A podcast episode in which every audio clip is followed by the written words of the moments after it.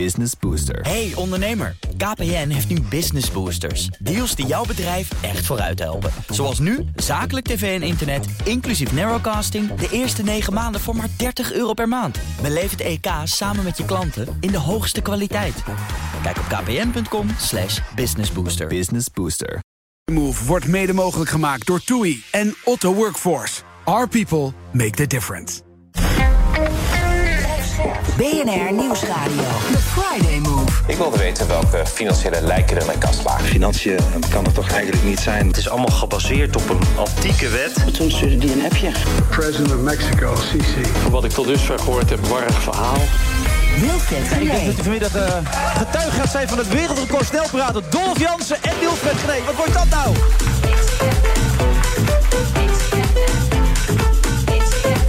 Vanuit het Intel Hotel Amsterdam Landmark. Of Landmark mag je ook zeggen. Met onze eigen beats van uh, DJ Thomas Robson.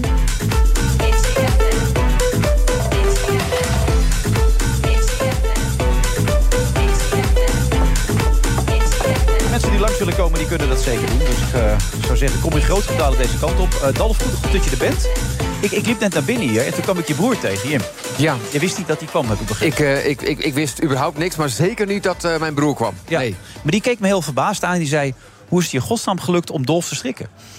Nou ja, jullie hebben mij gevraagd en ik heb ja gezegd. Dat is eigenlijk wat er gebeurd is. Ja, maar zijn verbazing was heel groot. Ja. Snap je die verbazing? Nou, wij hebben elkaar één keer aan deze tafel op een andere plek getroffen. Maar dat is wel een jaar of vijf, zes geleden. Dat denk ik wel, ja. Dus ja. dan zijn we alle twee, denk ik, nu ja, van hersteld. Daar zijn we overheen. Ja. En nu kan het weer. Dat, ik denk dat dat gebeurd is. En, en, en eh, het is altijd leuk om... eh, ja, radio is gewoon altijd leuk. Radio is gewoon altijd leuk. Leukste wat er is. Vind ik wel. Spijkers met koppen, dat vind je ook het leukste wat er is, Eh, morgen weer. Ja. Ja.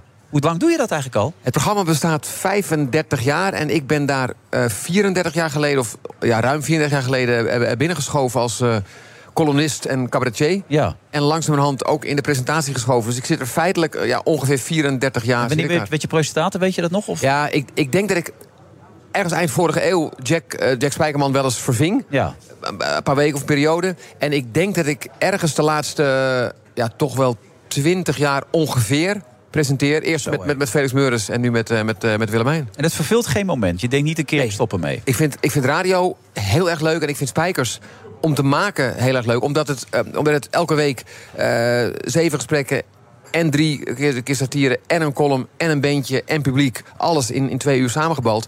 Alles wat ik aan radio leuk vind, live en echt en praten met mensen en, en satire en een lekker bandje, valt samen. Dus, Ja. dus ik, eh, ik geniet daar eh, Het is geen werk, van. hè? Het is geen werk. Het, Het is, het is nauwelijks werk. Het is, ik, vrijdagavond, dus straks neem ik door wat er bedacht is. Ja. Eén keer, dan is het genoeg. Morgenochtend eh, met de redactie één keer. Dan met, met het cabaret ondertussen eh, drie scènes en een, en een lied schrijven. En dan, eh, en dan gaan. Oh, je bereidt nog wel voor. Ik bereid zeker wel voor. oké. Ja, maar niet te veel. Nee, dat is ook belangrijk. Hey, Nee. Johan Derksen moet dood, hè? Nou, Jawel. dat zijn van die nou geruchten, gewoon- van nee, die verhalen. gelijk even hier vaststellen. Hij moet dood, dood, dood. Maar heb, heb, heb, heb ik dat ooit gezegd? Nee, toch? Laten we even gaan luisteren. Ik had het ook nog niet gehoord, maar dit was het. Oké. Als dit systeem succesvol wordt en ik hoor dat wordt het... dan gaan we het uitrollen. Partijgenoten, een paar kleine voorbeelden. Wij gaan ervoor zorgen dat iedereen in de provincie... goed openbaar vervoer krijgt. Dat ze kunnen ontsnappen. Wij gaan het raadgevend referendum invoeren. Moet Johan Derksen van tv... of dood... Ja, ik had het gemist. Ik was op vakantie, maar dat schijnt een, een relletje te zijn geweest ook nog. Nou, voor mij niet. Nee. Wat je hoorde was een, was een, een, een flart uit de oudejaars... die Ja. ik afgelopen jaar maakte met Lebbes. Was leuk, ja, was leuk. Voor het eerst in lange tijd weer. Ja. Ehm, wij waren aan het begin van die, eh, van die voorstelling... waren wij twee politici zonder partij, maar wel met alle oplossingen. Mhm. Een van de oplossingen was een oplossing die je hoorde. En voor alle oplossingen gold... het waren een paar hele goede oplossingen... die toch ook weer niet helemaal haalbaar waren. Nee. En het raadgevend referendum suggereert dat je een probleem op kan gooien... en dan zeg je bij voor of tegen, ja of nee, zwart of wit... en dan zijn we eruit. Dat is niet waar, want elk groot sociaal-politiek probleem... is veel ingewikkelder dan ja-nee. Absoluut. Dus het idee dat een van de stellingen die ik opgooi is... Johan Derksen moet van tv, dat levert nou, toch wel enige enthousiasme op. Of dood, geeft aan dat het raadgevend referendum... niet zo'n heel goed idee is... Plus, je, je kan alles opgooien. eh, en ni- niks in mij wil iemand dood hebben. Zeker niet jouw lieve collega. Maar het is wel eh, om aan te geven dat het raadgevend referendum... wat wordt opgegooid als een eh, oplossing voor problemen... feitelijk dat niet is. Nee. Dat is wat je doet in satire op een ja, soms Ja, grappige satire. manier. et cetera. Lastig is dat, hè, satire voor mensen. Het, het is voor mensen, dat Ja. zeg je heel goed. Satire is voor mensen, Voor mensen zeker, ja. geregeld vrij lastig. Omdat als je bijvoorbeeld ook op, op socials kijkt of andere dingen. Voor een deel van de mensen is het bijna niet voor te stellen dat je soms iets zegt wat je helemaal niet meent. Dus als mijn, mijn broertje hier net binnenkomt en ik zeg meteen tegen jou, eh, redacteur. Ik ben weg. Ja. We zijn gebrouilleerd. Ik wil niks met deze man te maken hebben. ook. Begrijpt hij, hoop ik, Ja. dat het een grapje is. Zo niet denkt hij, kut, we hebben straks een gat in de uitzending. Dus eh, satire betekent dat je geregeld dingen zegt die je niet meent, maar wel met een reden. En als mensen daarom lachen, dan hebben ze door. Het is grappig. En hij vindt daar ook nog wat van. Of hij bedoelt er ook nog wat mee. En dat Ja, is wat dat satire... levert je wel gelijk ook veel nareacties op. Hoeveel nareacties heb je op deze gehad? Want onze achterban is Eh, eh, vrij stevig over het algemeen. Ja, eh, eh, als, ik, als ik mij uitspreek wat ik wel eens doe... dat kan in een voorstelling zijn, kan in een column zijn... en dat kan ook op socials zijn als ik daar ergens iets van vind... levert dat nou ja, tussen de honderden en de tienduizenden reacties op. En zeker op X is het overwegend boos. Ja. Overwegend boos. Boze mensen vaak op X. Veel boze mensen. Ja. Wat ik jammer vind, ik vind het op, oprecht jammer... dat zoveel mensen boos zijn over van alles. Eh, v- Vanochtend schreef ik een, een, een- ik noem het gewoon nog een, een tweet als dat mag. Ja, een dat tweet over de onwaarschijnlijke winsten van Rabo en ING. Eh, Ik gun het allemaal van harte. Mensen zijn heel boos op van alles en nog wat... maar meestal zijn ze boos op, op Woke, op links, op D66... en soms op specifieke personen. Ik denk, als je nou ziet wat er gebeurt in de wereld... als je nou ziet dat de agrarische sector het probleem is... en ondertussen, goh, wat raar... heeft Rabo de grootste winst die ze ooit behaald hebben. Hoe zou dat nou komen? Dat kan ik je uitleggen. Omdat Rabo, met alle organisaties eromheen... al tientallen jaren de agrariërs in Nederland uitknijpt en kapot maakt. Dan zou ik zeggen, als je een boze boer bent... wees dan boos op de Rabobank. Wees dan niet boos op mij of op, op een kale meneer van D66. Dat is volslagen krankzinnig. Als, Ja, maar zo denken mensen toch niet? Of dat weet je toch? maar, maar zo denken mensen niet. Hoe kunnen mensen niet zo denken? Als je weet, Ja. de Rabo is de bank die alle agrariërs in dit land bij de keel heeft. Dat Ja. weet je. Het is namelijk de Raffaïse boerenleenbank. Ja. Als je dat weet en Rabo haalt de grootste winst ooit... en je bent boos met je trekker en je gaat je, gaat je tegen links verzetten... what the fuck, links? Wie is links de afgelopen tien jaar? D66? Nou, als dat links is, dan... Nou, fijn. Dus het is krankzinnig om je kwaad te maken op mij, op D66 en op Woke... terwijl ondertussen de fucking Rabobank en ING...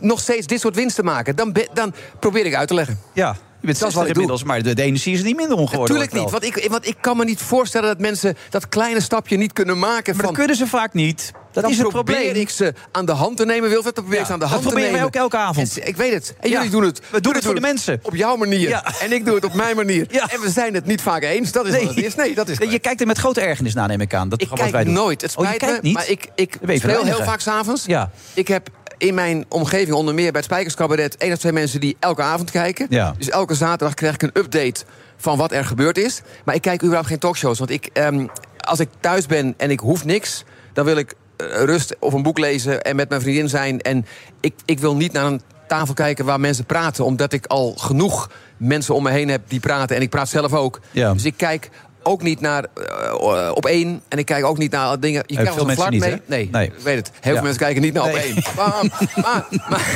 aan de andere kant, eh Sofie en Kom weet eh, daar wordt weer wel naar gekeken. Ook weer niet genoeg, geloof ik. Ik weet het niet. Nee, als dus Jeroen ik- presenteert vaak wel, ja. is dat zo? Ja, bij Jeroen kijken ze beter. Terwijl ik het altijd leuker vond bij Sofie. Echt waar? Want ik schoof daar geregeld aan.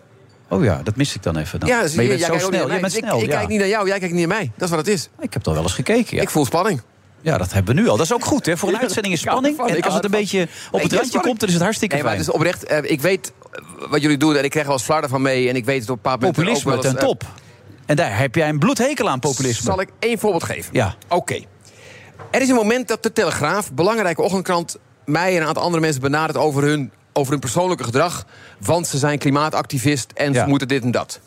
Ik word benaderd door een journalist, ik antwoord hem, ik word nog een benaderd... ik schrijf uitgebreide mails met al mijn Wie antwoorden. duk? Wie duk? Ik weet het, Wat ja. gebeurt er? Ze zeggen, wij gaan heel netjes opschrijven wat jij gezegd hebt... Ja. wat ze niet helemaal gedaan hebben. Diezelfde avond voordat het wordt gepubliceerd... zit Wier Duk bij jullie Ja. en zegt lelijke dingen over mij. Onware dingen. Dat, dat vind ik niet horen als je een journalist bent. Misschien is Wierduk Wier, Wierduk geen journalist. Maar ik vind het niet horen om zogenaamd te doen alsof je een eerlijk stuk gaat schrijven. En dan de avond daarvoor bij jullie weer die leugens herhalen. Dat ik zes keer per jaar of tien keer per jaar naar Ierland, Ierland vlieg. En ja. weer dat gelul. Het is niet waar. Het is verzonnen door geen stijl nog wel. Dat moet je niet doen. Of je bent geen journalist. Eh, of je moet niet bij jullie eh, eh, leugens verspreiden. Vind ik. Nee, Sander Schimmelpen, ik vind hem ook geen journalist. Ik kan dat niet geheel beoordelen, want hij werkt voor de Tele- Telegraaf.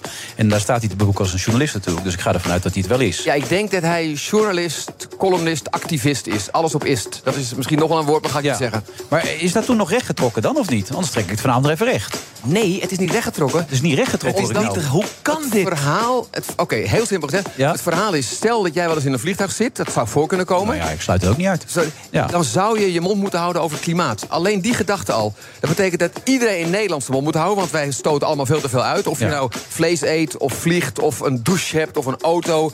Dus het idee dat je niet met klimaat bezig kunt zijn... omdat je ondertussen al consument bent, is volslagen krankzinnig. Heb ik uitgelegd aan de Telegraaf. Had het helaas geen ruimte voor. Maar het idee dat Wiert Duk dan in jouw uitzending zit te vertellen... dat ik de activist ben die elke keer naar Ierland vliegt... dan ben je gewoon feitelijk een leugenaar. Ja, dat ben je dan Dat ook is op dat moment. Dat Dan is moet wat ik dat vanavond nog... Dat is niet rechtgezet, begrijp ik. Dat is zeker niet rechtgezet. Oké. Gaat nou, dit goed komen, Wilfred? nou, vanavond nog. Ja? Vanavond. Ja, Is druk bij jullie in de uitzending? Nee, eh, die komt alleen... Nou, dat maakt niet Nou ja, uit. maakt nee, niet uit. nee, eh, laat ik het zo Wie stellen. is dit dan weer? Wie Ja. is? Ik heb geen idee. Jim Jansen, leuk dat je er bent. Ja, Leuk, is nog joh. een tuentje of niet?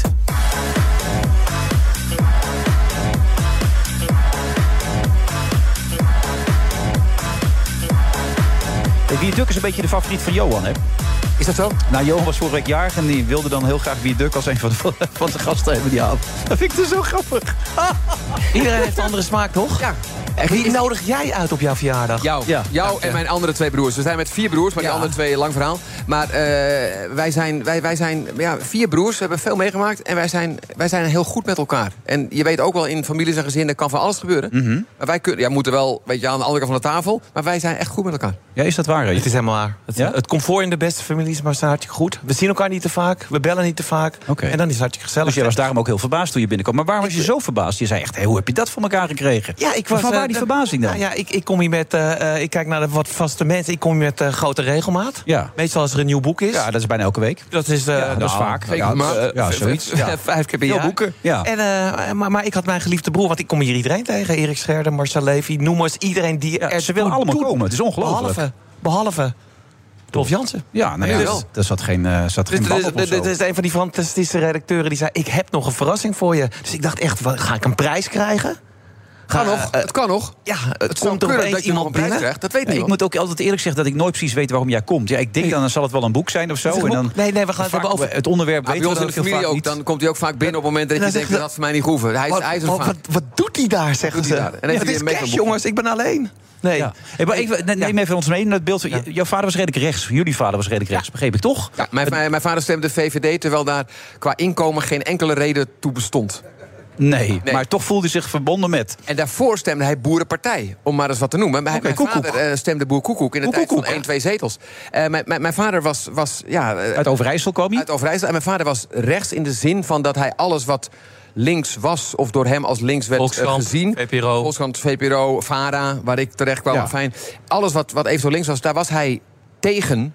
En dat leverde zo nu en dan discussie op. Maar ook weer niet zo heel vaak. Want wij waren niet erg van de Nee. politieke discussies thuis. Had Maar van hij luisterde stiekem achter de bank, hè, naar kopspijkers bijvoorbeeld, toch? Uiteindelijk, toen ik spijkers Ja, ging ja, doen... uiteindelijk wel, ja. column, ik, weet, ik weet nog het moment, kan je nagaan... toen mijn vader 60 werd, ik ben nu 60, daar moet ik eraan denken... toen mijn vader 60 werd, schreef ik een column over hem. Het feit dat hij 60 werd, heb ik ook verteld... Hij luisterde natuurlijk nooit naar de VARA en het idee dat ik daar terecht kwam en al die shit. Ondertussen zat hij gewoon trots te luisteren dat zijn zoon op de radio was met de grote Felix Murders. En een column uitsprak over, over hem en Hmm. over zijn leven. Dus het is goed gekomen met mijn vader. Eh, maar Hij leeft niet meer, hè? Hij leeft niet meer, Nee, dat is dan nee. misschien minder. Ehm, maar maar hij, hij, was niet links. Hij was nee. niet links. nee, dat is duidelijk. Maar En- mijn en- moeder eh, die vraagt nu altijd stemadvies aan, eh, aan Dolf. Ja. En, maar dat, dat vertelt ze dan aan mij, maar dat moeten we allemaal geheim houden. Ja. Waarom? Ja, dat zegt ze, dat is, eh, dat is eh, privé. Stemgeheim. Dus, eh, stemgeheim. Stemgeheim. Dus in Ja, maar wat principe... stemt ze dan? Ik weet niet wat ze de laatste keer gedaan heeft. Ik leg haar uit. Als je bijvoorbeeld CDA stemt, wat zij heel vaak gedaan heeft... vanuit Ja. haar katholieke achtergrond. Ik zeg, nou, met, met- de huidige leider van het CDA... en de prima. ontwikkelingen... heb je een, een, een, een le- leuke, sympathieke partij... een hele leuke, sympathieke leider... en ik denk wel goede ideeën.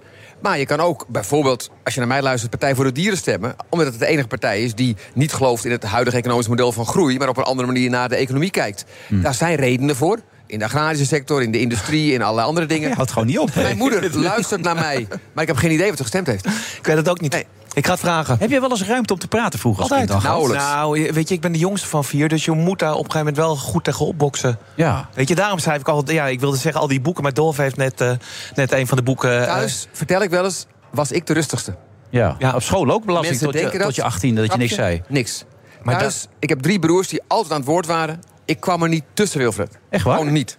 Maar jouw vader zei toch altijd, eh, je hoeft niet altijd grappig te doen. Maar jij, bij jou schoot het er soms uit, toch? Achterbank, je zegt wel eens wat. Ja. Ik maakte wel eens een grapje. Maar dat viel niet goed. Dat viel pas goed op het moment dat wij met Lewis Jans voor het eerst Bellevue uitverkocht hadden. Toen dacht hij, oh, Ja. 100 krijgt er- mensen. Het levert 100 wat op. mensen, Zes avonden. 100 mensen, Eh, eerste avond niet vol.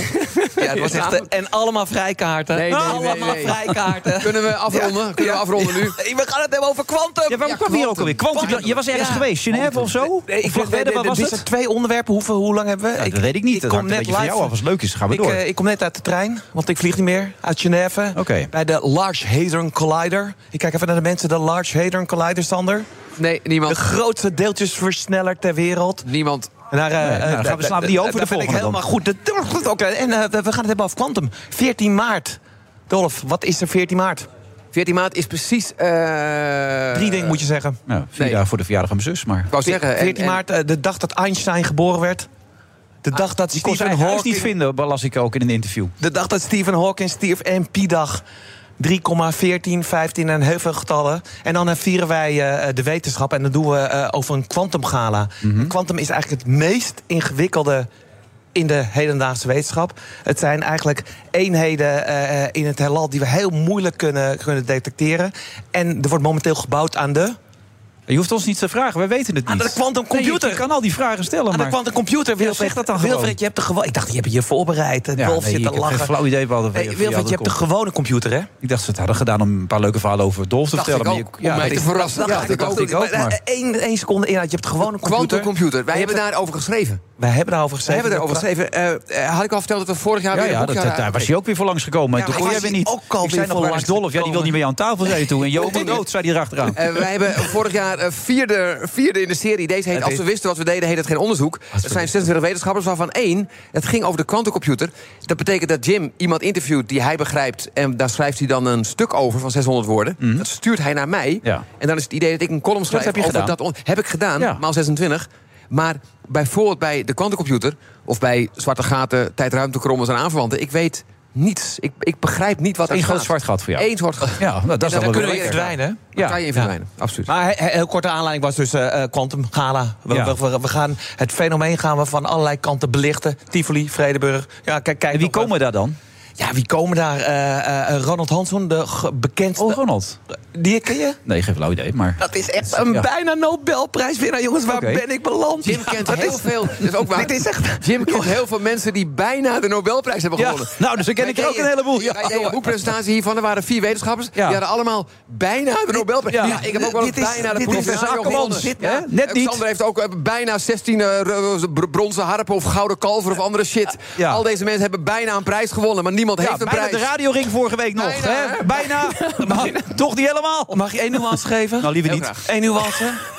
Het was, eh het was oudjaarsavond en ik kreeg een appje. Op Ja? mijn telefoon, een appje. Dat is vaker zo, ja. Dat is, nou ja, dat kan ook via, via de computer. Ik kreeg Ja, een appje kunnen. en dat was Ja. niet bijna. Dat was van Ben Veringa. Ben Veringa. Ben Veringa, Ben Veringa. onze Nobelprijswinnaar. Hm? 2016, wij stonden samen de- deze zomer op Lowlands. En hij zei, het was het hoogtepunt, Jim, van het jaar. Oh. Dus dan kan Dolle wel weer oreren wat van bijna, bijna, bijna. Nee, nee, ik ben trots. Maar het klopt. Maar even over Ronald Hansson. Laat zeggen, de kwantumspecialist wereldwijd. Die komt. Die komt, komt, en die ja. bouwt nu, heel, eh, heel kort inhoud, die bouwt, laat zeggen, in Amerika wordt gebouwd aan een kwantumcomputer. In China wordt er gebouwd, maar in Delft wordt er ook gebouwd. En wie die eerste computer neerzet, nou, die, Die is binnen. Ja, die is, binnen. klaar. En die is klaar. En eh, het kwantum, dat gaat jouw leven Dat gaat jouw leven, En dat gaat rond. zeg dan eens in drie zinnen wat de quantumcomputer kan... wat, wat nu nog niet kan. Laat zeggen, de kwantum... Laat zeggen, Twee eh, zinnen. Twee mag ook, dankjewel. Ja. eh, eh, waar, waar de gewone computer ophoudt met rekenen, daar begint het eh, bij, bij de quantumcomputer. Dus het is sneller, het is veiliger Vier. en het gaat ons leven op een drastische wijze Positief? Positief, heel positief. positief veranderen? Heel positief. Maar- Toepassingen. Ja. Oké. Ja, maar alles gaat beter, sneller, ingewikkelder. Eh, Het is allemaal Ja, natuurlijk onder- zo. nee, Wilfred, AI on- komt erbij. We Wilfred- hoeven niks meer te doen straks, man. Wilfred, wordt dit opgenomen? Onderschat het niet. Het gaat echt onze levens veranderen. En, die, en, en dat ding wordt gebouwd eh, eh, eh, en het, eh, het zal grote invloed hebben. Op positieve zin. Ja, het is, het is nog vrij ruim, hè? Ja, dat Positief, vind ik ook. ruime Ja. zin. eh, we hebben oplossingen. beter, hè? Hij zou, hij zou zo drie, vier zetels kunnen halen, maar je, je Het weet nog eh, niks. Het is best gezellig met jullie aan Het is tafel. Ja, en die deeltjesversneller, moeten we daar nog geld in voor inzamelen met z'n allen of niet? Nou ja, ik, eh, kijk eens, eh, de, de deeltjesversneller is nu 27 kilometer. Want je... je, je Het is een tunnel, hè? Het is, het is, onder, het is een tunnel onder Zwitserland en een stukje Frankrijk. Ja, dat begreep ik, ja. En, en die deeltjes moeten dus ook elke keer over de grens. Dus ze moeten twee keer per ronde moeten ze over de grens. En dat wil- gaat Ja, dat bedoel zo ik maar. fucking snel. En dat- is de Large Hadron Collider. Large Hadron Collider. En het laatste is, Ja, ze willen nu... de- iedereen kwijt inmiddels, maar ga door, ja. de- ze willen nu een grotere ring gaan bouwen, 100 kilometer. En het En dat kost geld, hè? 50 miljard. Dus dat is... Oh, kijk aan. Om alle geheimen van de natuur te ontwaren, dat is eh, geen geld. We gaan hier met dus- de pet rond. Wat ik vind echt fascinerend. Je praat dus over deeltjes die heel hard rondgaan.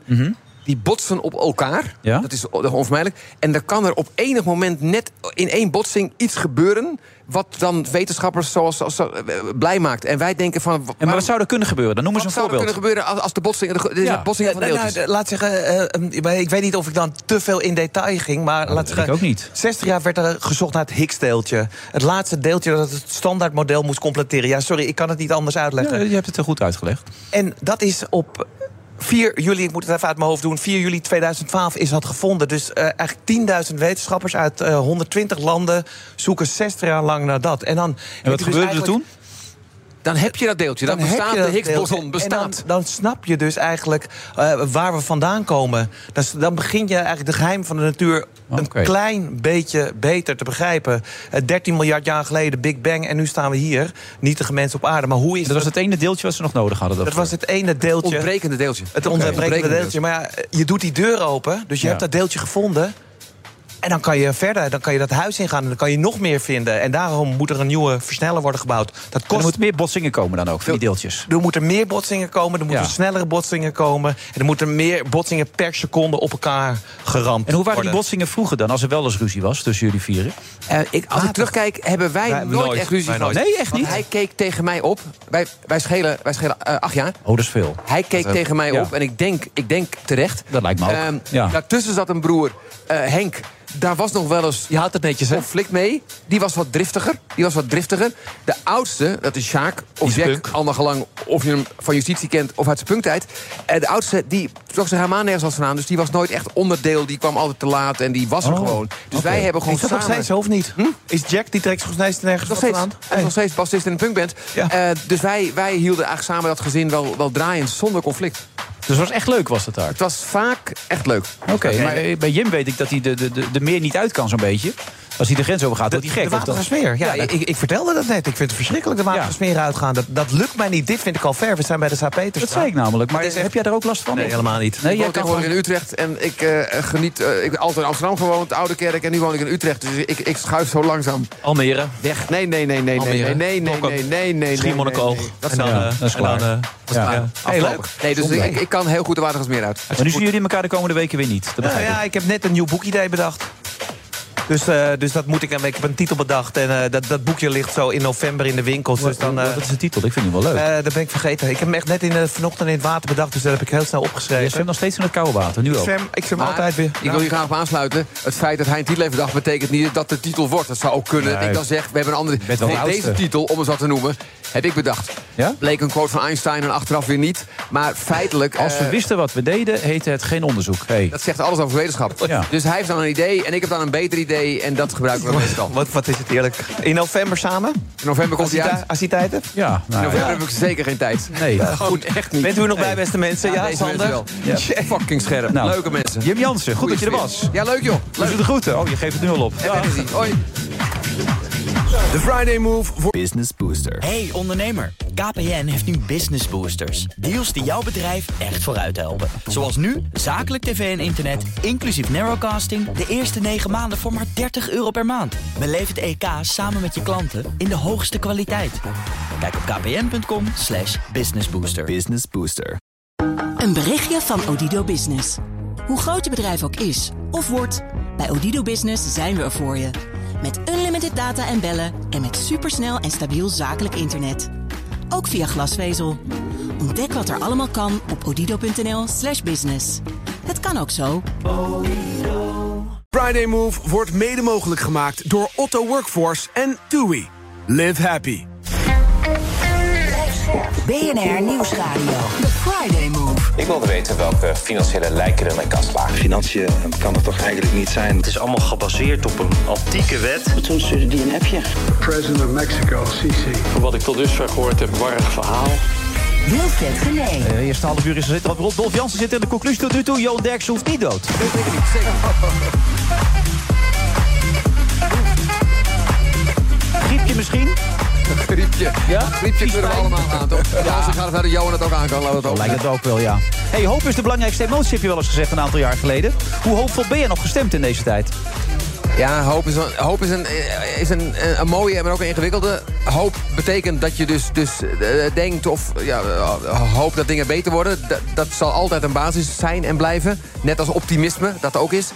Maar uh, je hebt ook zoiets als valse hoop. En dat betekent dat je wel vasthoudt aan de hoop... maar niet echt je inzet om dingen te veranderen. En ik heb het idee dat je hoop wel moet combineren met met je eigen inzet, met, met wat je doet in het leven... met hoe je je uitspreekt, met allerlei andere dingen, invloed die wij hebben. Dus hoop is een deel van wat je nodig hebt, denk ik, om, om tot verbetering te komen. Maar het is niet voldoende. Alleen hopen is niet voldoende. Nee, en hoe, hoe vaak is er bij jou teleurstelling in het bestaan? Ik, ik, ik ben, ben heel blij en gelukkig, dus in die zin valt de teleurstelling mee... Maar als je naar het grote geheel kijkt... het feit dat je het nieuws volgt... en dat er op allerlei plekken dingen gebeuren die zo vreselijk zijn... dat ze eigenlijk aan een tafel als deze niet te bevatten zijn... dat, dat zit boven teleurstelling. Dat is, dat is gewoon vooral vreselijk dat mensen zo met elkaar omgaan. Of het nou oorlog is of, of uh, andere shit. Uh, dus in die zin, er, er, is ook een hoop om verdrietig over te zijn... of boos of wat dan ook. Ja. Dat begrijp ik ook. Uh, in mijn persoonlijk leven um, valt het heel erg mee met teleurstelling... Uh, heb ik veel in de hand, uh, kan ik... Maar wie heeft jou het meest teleurgesteld in je leven dan? Wow. dat, is, dat is echt een lastige. Dat is niet gelijk iemand op? Nee, zeker niet. Zeker niet. Het, het, als je me zou vragen met wie heb je de grootste ruzie gehad... zou ik ook heel erg moeten nadenken. Want ik heb niet zo heel veel en vaak hele grote ruzie gehad. Er zijn wel dus dingen nou, waar we het eerder over hadden in het eerste half uur... over dingen waar je over uitspreekt en waar je in discussie over raakt... of waar je echt van ja. denkt, dit is zo fout of slecht of noem maar op. Dat gebeurt. Maar dat is niet op persoonlijk niveau. Dat gaat heel vaak over, over wat mensen doen en keuzes die ze maken... en meningen die ze uiten. En of het nou in de politiek of in andere plekken is. Dus dat is er wel. Maar ik, ik ben niet van de... Nou ja, dus ik heb heel erg, heel erg geluk gehad. Ja, het het valt heel erg mee. De, Niemand die jou echt teleurgesteld heeft, als ik het zo hoor. Ik denk vast wel, wel eens iemand, maar niet iemand die meteen bam te binnen schiet... Om, en hier ook via BNR te delen. Sander de Buissonnier, wie heeft jou het meest teleurgesteld in je leven? Oeh, ja, ja, je kon erover nadenken. Een waslijst. Een waslijst. Okay. Ik zat al te denken. Nee. nee ik, wil, ik, ik, denk dat ik mezelf ook vooral wel een keer heb teleurgesteld. Ik denk dat je altijd beter naar jezelf kan kijken dan wijzen naar anderen. Dus en wanneer was dat dan? Nou ja, ik, ik vind dat ik van kleine dingen tot uh, van nu had ik er iets meer voor mijn vrouw of voor mijn kinderen moeten zijn. Tot uh, oh, dit optreden had ik net even iets meer uit kunnen trekken. Ik kan, ja, ik kan mezelf wel teleurstellen. Ben je heel kritisch? Heel kritisch. Ik ben heel kritisch op mezelf. Af en toe ook wel een beetje te veel. Dat, dat, dat, dat het genieten er dan iets bij inschiet. Omdat je te veel bezig bent met het presteren. En dat je, hè, dan kom je van een op, bijvoorbeeld van een optreden het podium af. En dan zegt die het ging goed. Hè. Ja, nee, maar die twee kleine dingen. Ja, maar jij focust altijd op die twee kleine dingen. Maar ik vind het wel leuk dat je altijd gewoon wel wil groeien en, en, en, en beter Ja, en wat je worden. zegt, als het je lukt om dat te doen... en ondertussen wel de lol te hebben en, en wel hoopvol genieten van. En ook hoopvol, het kan altijd nog beter. Nee, de absoluut. Nee, nee, tuurlijk. tuurlijk. Ja, en als je dan omdraait, wie heb je het meest teleurgesteld? Wie heb jij teleurgesteld? Uh, ik denk wel een paar vrouwen in mijn leven. Die heb ik wel teleurgesteld. En voor de rest denk ik niet zoveel uh, mensen. Nee. Zaken, zakelijk, ja, niet, denk ik. Uh, maar ik heb wel eh, ergens in mijn leven wel trouw beloofd eh, wat ik niet nakwam. En dat was natuurlijk helemaal niet de bedoeling of Nee. zo. Maar dan doe je wel iemand pijn en dat is niet leuk. Ja, die werkt nu samen met een goede vriend, volgens mij van de Ja. Hogeschool in Maastricht, toch? Jon Ja, hotelschool, ja. daar kennen jullie elkaar van. Dus hebben elkaar misschien. Nee, jullie waren ook persoonlijke vrienden, heb ik begrepen, toch? Ja, we zijn persoonlijke vrienden, ja. En nu samen in zaken. En, en niet zomaar iets, dat wordt iets groots als ik het zo zie. Ik heb even wat, wat interviews van je bekeken. Jullie hebben een in-ear computer, daar komt het eigenlijk op neer. Ja. Met een fantastisch geluid, maar je kan er alles mee doen. Kun je kort samenvatten, of heb ik dat al bij deze gedaan? Nou, ik denk, ik denk niet alle. Je kan er niet alles natuurlijk mee doen. Nee, maar je- heel veel. het, is, het is wel de eerste ter wereld die draadloos is. Die precies helemaal op je oor is gemaakt. En dat ook een computertje is. En ook de eerste ter wereld die een quad driver. Dus, dus vier verschillende drivers in één oor heeft. Dat is nog niemand gelukt. We, we en wat, ook wat is het voordeel ervan? Dat je het voordeel daarvan is dat je in verschillende frequentieniveaus, dus de bas, de middentonen, de hoge tonen van een nummer. Kijk, normaal zit het allemaal in één drivertje. Moet je dan een algoritme op loslaten en dan maak je een soort van je eigen geluid. Maar nu kan je die bas echt zijn eigen speaker geven. En het middentonen ook en hoge tonen ook. Waardoor je echt veel beter geluid krijgt. Ja, en dat is gewoon echt een... Kijk, veel beter is een soort van rare term. Maar totdat je het Nou, hoort... je hebt hem net even bij mij oren gedaan. Ik moet eerlijk toegeven, het klonk echt fantastisch. Het echt een geweldig ding. En we praten dus over in-ears. Dat zijn dus de, de, de, het, het, het geluid wat de vocalist nodig heeft. Vroeger had je een grote monitorbox op een podium. Nu heeft de meeste zangers hebben hem in hun oor. Wat je heel direct geluid hebt. En betekent dat het niet tyfus hard op het podium staat. Die dingen zijn er al. En deze kan dus veel meer en een veel beter Maar geluid deze zijn, geven. deze zijn niet onder professionele markten mee te veroveren. Want er is nog iets wat heet latency. Hè, dat het geluid ietsje later komt dan de bron. We zijn eigenlijk wel bezig om dat ook te ontwikkelen. Maar dat is product 2. We moeten eerst focussen op product 1. Dit is een consumentenproduct. Dus dit is eigenlijk de Apple eh, AirPod eh, Pro. Alleen dan Pro, Pro, Pro. een stukje ja, beter. En dan weet je natuurlijk al wat de volgende vraag is. Als in, wat kost dat? Dat is niet goedkoop. Nee, Dat dat, is, dacht eh, ik al. En terecht, want er zitten vier quads in. Maar wat kost nee, dat? Nee, nee, wij, wij hebben ons geconcentreerd op echt die high-end markt. Hè? Want we gaan niet concurreren met Apple, want dat is gewoon veel te moeilijk. Moeten we nog niet eens gaan proberen. Dus we zijn echt voor dat high-end stukje gegaan. Hij kost 1973 euro. Dat is mijn geboortedatum. Vonden we leuk. En dan krijg je er wel twee voor, toch? En eh, dan krijg je er Ja, ja, twee. dan krijg je er twee. Nee, maar dat het is- 1500 euro. Dan kreeg je nog aandelen erbij. Maar dat is inmiddels al voorbij, die actie, begrijp ik. Nou, we zijn in eh, de CES in, met de handelsmissie mee geweest. Ja, en daar, heeft, dat, daar heeft eigenlijk een van de grootste tech-reviewers in Amerika... heeft een beetje de prijs voor ons be- eh, bepaald... Door in, een, eh, door in een stuk dat te zeggen. En onze bill of materials is de laatste tijd ook wel iets omhoog gegaan... door hogere Ja. inkoopkosten, waardoor we wel een beetje omhoog moesten.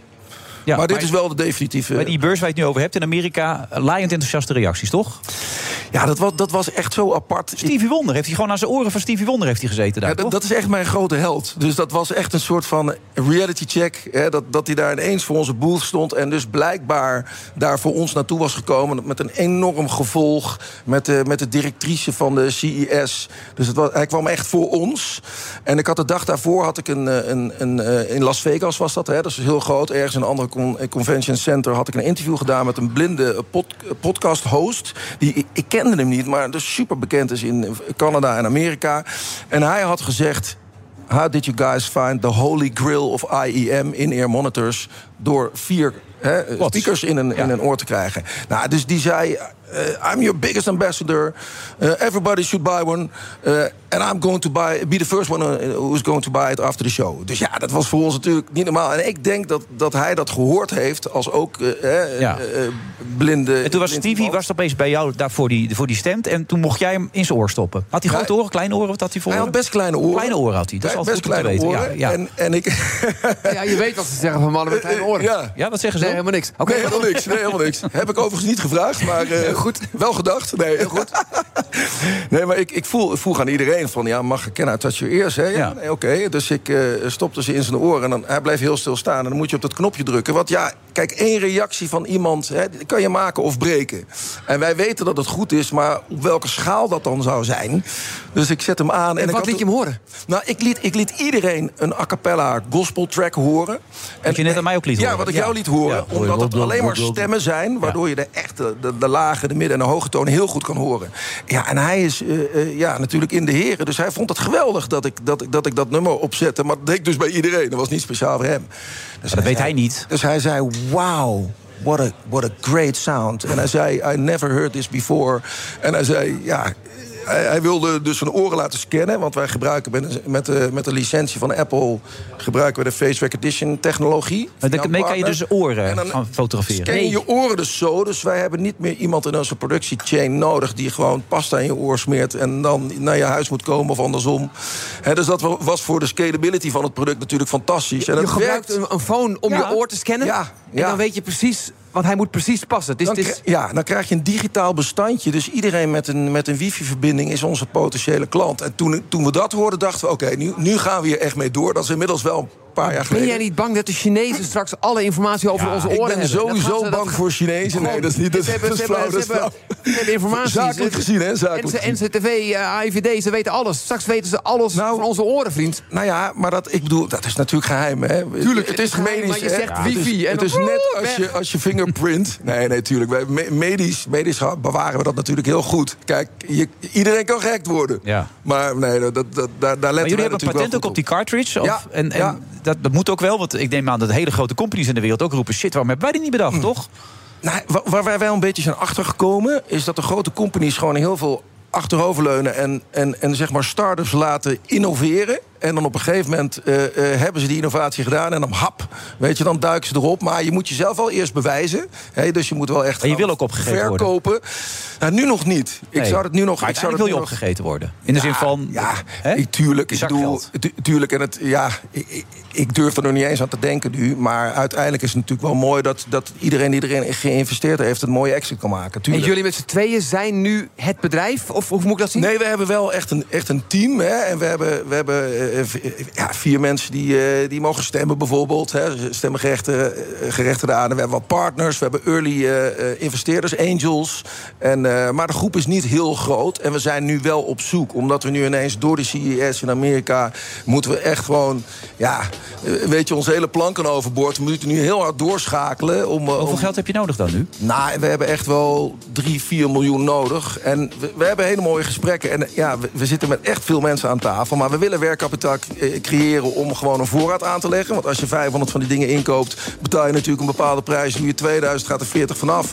En dat is natuurlijk wel een bedrag. Dat waar wil je we- naartoe met de prijs? Want wat je zegt, 2000 euro is op dit moment aan 1973, maar dus Nou, 1973 is op dit moment gewoon de basisprijs. Maar kunnen wij later ergens in de toekomst hele grote aantallen inkomen... ga- ga- gaat natuurlijk die prijs, die kostprijs van alles ook naar beneden. En dan zou hopelijk in de toekomst een keer die prijs ook naar beneden. Maar even voor duidelijkheid, want ik, ik had een interview met je zitten bekijken. Je kan natuurlijk geweldig geluid daardoor creëren. Maar je kan ook meer. Je kan hem een commando geven, volgens Ja. mij. Dat ding in je oor. Je kan gewoon zeggen, eh, pak de telefoon aan of doe iets. En je vertelde ook een goed verhaal dat als je alle elf voetballers in een elftal zo'n dingetje in je oor doet. Want je kan alles mee doen. Hè? Koppen, schieten, eh, Nou, nou, ja, springen, die- alles. Ja, Ja, wat gebeurt niks. natuurlijk gewoon helemaal perfect in je oortjes zitten... omdat ze custom-made zijn. Maar je, je hebt een walkie-talkie-functie. Dus je kan zeg maar met een groepje... Tips geven onderling met kan een je dan. groepje kun je onderling. En dan hoef je niet meer over dat veld te In schreeuwen. het wielrennen praten ze over het oude wielrennen en het nieuwe maar dit- wielrennen. En het nieuwe wielrennen is met een oortje. Daar vinden ze ook weer van alles van, de, de, de, Nee, de maar dit, sportverslaggevers. dit, dit- ik weet zeker dat dit dat gaat vervangen. En dan wil ik niet zeggen dat dat per se meteen ons product is... maar wel zo'n product. Wij zijn nu wel de eerste ter wereld... dus eh, kunnen ze het beste naar ons bellen op dit moment. Maar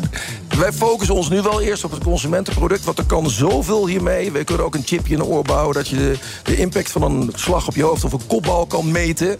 En dat kan je dan in een cijfer uitdrukken. Dus dan zou je bijvoorbeeld kunnen zeggen... het is nu een cijfer 6, hij moet van het veld af... of het is een cijfer En 5. zou je bij die wielrenners niet alleen eh aanwijzingen kunnen geven... maar ook gelijk een dopingtest kunnen doen? dat je als je wel, ja. hebt? We kunnen ze zeg maar oraal in, in- injecteren. Ja, ja, ja, ja, ja, Nee, nee, nee, dat kan. Kijk, medisch. Ik, wij willen ons nog niet op dat medische vlak begeven. Want het is natuurlijk echt een vak apart. En daar moet je gelicenseerd voor zijn. En daar moet audio. je gecertificeerd voor zijn. Maar er, is, er kan wel heel veel eh, biometrics in zo'n oor. Hè, waardoor je echt wel. Het oor is echt een uitgelezen plek om dingen op te meten. Ja. Dus, de- dus daar kan echt heel erg veel. En dat gaan wij ons wel ook. Kun jij er al, als jij optreedt, kun jij hem al gebruiken? Is hij nu al... al eh, Nee, nu niet. Want we zijn wel bezig met partijen om die latency weg te halen. En ik denk dat wij binnen nu en, nou laat ik zeggen, maximaal een jaar... eh, wel, denk ik, een gamechanger kunnen, eh, ja, kunnen zijn in de, in de Ja, markt. erbij, hij is gewoon... Maar ook jullie zitten allemaal met een draad. Kijk, de toekomst gaat er natuurlijk dat jullie, dat jullie ook niet meer met een draad hoeven zitten. En dat je alles op je oor maakt. The dat- future is wireless. Ja. ik denk het wel. Het is, zeg de, nee, maar het is de hardst groeiende markt binnen de techwereld... waar iedereen wil, in wil investeren. Dat wisten wij ook niet toen we mee begonnen. Maar dat kwam wel lekker uit. En die heelbalmarkt die, ja, die gaat in 2030... sommige mensen die zeggen naar 500 miljard... sommigen zeggen 100, dan later 200 miljard zijn. Hij zit nu zit hij op 30 miljard. Dus hij, stuurt, hij, hij, hij groeit echt ja, exponentieel. En voor jij, jij treedt ook nog gewoon op. Je bent eigenlijk ook nog artiest, hè? Dat ik ben, mensen, nee, ik je ben bent CEO van dit bedrijf, ik ben- van Brex. Ja, maar ik het. moet uiteindelijk geen CEO zijn. Hè. Ik, ik denk uiteindelijk dat Jeroen die ja, zit dat Ja, van mij over moet nemen. dan jou. Ja, zit, zit, zit ook meer gewoon eerlijk ben. CEO. Als ik Ja. gewoon eerlijk ben. Gewoon, ja. Je bent zo eerlijk. Maar het is wel uit jouw geest ontsproten, toch? Want jij ik ben de founder hiervan en heb dat, heb dat natuurlijk niet alleen gedaan. Hè. We hebben een heel team en ik ben natuurlijk ook niet... Ik ben niet, heb gezegd van technisch moet het zo elkaar zitten. Hè, we, hebben een partij die dat in Kansas City die dat heeft gedaan. En die Eerscan Technology, Technology die zit in eh, Australië. We hebben, een, eh, we hebben weer een chip uit Taiwan. En zo hebben we eigenlijk over de hele wereld alle beste partijen verzameld. Ja, wel goed. En het, en het wel kunnen patenteren. Ja. En, en uiteindelijk werk- werken we zo meteen ook met de uitvinder van, eh, van, van Bluetooth samen. Dat is een Nederlander. Dus die heeft dat gewoon uitgevonden. Die, die zitten in Assen met het bedrijf. Dus wij moeten gewoon ook echt vooral doen wat wij goed kunnen. En wat wij niet goed kunnen, moeten we de expertise binnen. Dat zouden meer mensen moeten doen. Hè? Jazeker, veel meer mensen zouden de Zouden veel meer mensen moeten doen. En gewoon, ja, geen kabinet vormen. En vooral geen dingen meer doen die ze niet kunnen. Precies. Xander de Buzonier. Goed verhaal. Goed verhaal. succes ermee. En, eh, dankjewel. Dat gaat wel lopen, denk ik, dit.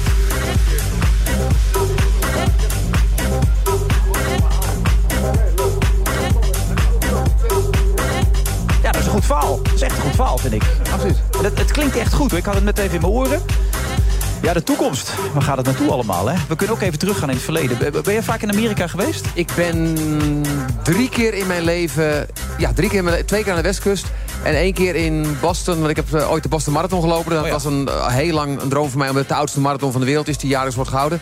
Dus ik heb in pff, 2002, 2003 Boston gelopen. En ik ben twee keer aan de westkust geweest. Wat ik een prachtig gebied vind. Maar New York Mar- Marathon heb je nooit gelopen? Nee, g- gisteren was ik aan het trainen bij, bij, bij in Amsterdam... waar ik één keer in de week binnen eh, train met apparaten en shit. En toen eh, dacht iemand dat ik me aan het voorbereiden was... op de laatste kilometers in Central Park. Ja? Ik ben nog nooit in New York geweest. En ik heb ook nog nooit die marathon gelopen. Omdat die, hij is mij te, te groot en te massaal... en niet geschikt voor wat ik wil als ik een marathon loop. Want ik wil nog steeds, als ik een marathon loop een tijd lopen. Een andere tijd dan vroeger, maar nog wel een tijd. En New York is zo groot. En dan moet je uren van tevoren voor de start staan en zo. En dan kan je niet eh, je ideaal voorbereiden. Terwijl als ik Rotterdam loop of Amsterdam of ergens Maar jij anders... loopt dus altijd voor de prestatie, nooit voor de omgeving om eens een keer van te genieten. elke, ik loop elke dag. Ik, ik Ja, dat weet ik. 15, elke dag. 18 kilometer of Ja, tussen de 10 en de 20. Maar, maar ik loop elke dag, dus ik geniet elke dag van de ik, omgeving. maar New York toch eens een keer. Dat is toch leuk om dat mee te maken? Ik wil best, als ik 75 ben, Ja. een keer naar New York... en dan ook die marathon lopen. Maar dan loop je weer een stuk langzamer dan nu. Eh, maar ik zou nooit eh, een marathon lopen en tegelijkertijd de toerist uithangen. Dat, dat is een combinatie die voor mij niet werkt. Oké. Nou goed, eh, New York. Hoe vaak ben jij er geweest, Philip Dreugen? New York inmiddels? New York, eh, poeh, 1987 voor het eerst. En sindsdien, nou, misschien wel tien keer of zo. En wat heb jij met New York?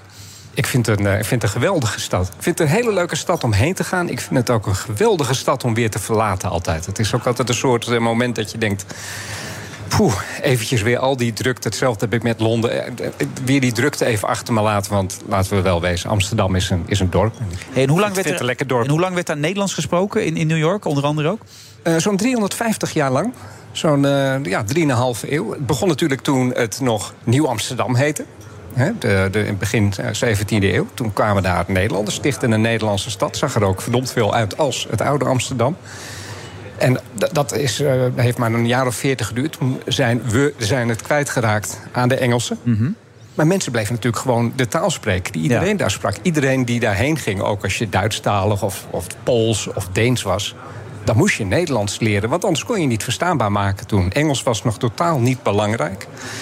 En de nazaten van die mensen zijn dat, ja, zijn dat blijven doen. Die hebben ook hun kinderen, hun kleinkinderen, hun achterkleinkinderen... hebben dan steeds maar weer Nederlands geleerd... zodat uiteindelijk pas in 1962 de laatste Nederlandstalige Amerikaan aan de oostkust doodging. John Storms. John Storms, Niet ja. echt een Nederlandse naam. Ik heb aan zijn graf gestaan in het eh, dorpje Pascack in New Jersey. Prachtig graf. Ja, hij zei niet veel meer, maar het is toch mooi. Hij is- Nee. nee. En, en het rare was, er stond dus niet op die grafsteen... hier ligt de laatste spreker van wat ik dan de tol noem. Ja, de Het- tol, boek Amerikaanse, ook, de. Amerikaanse versie van het Nederlands. Dus de, de oostkustversie van het, eh, van het Nederlands.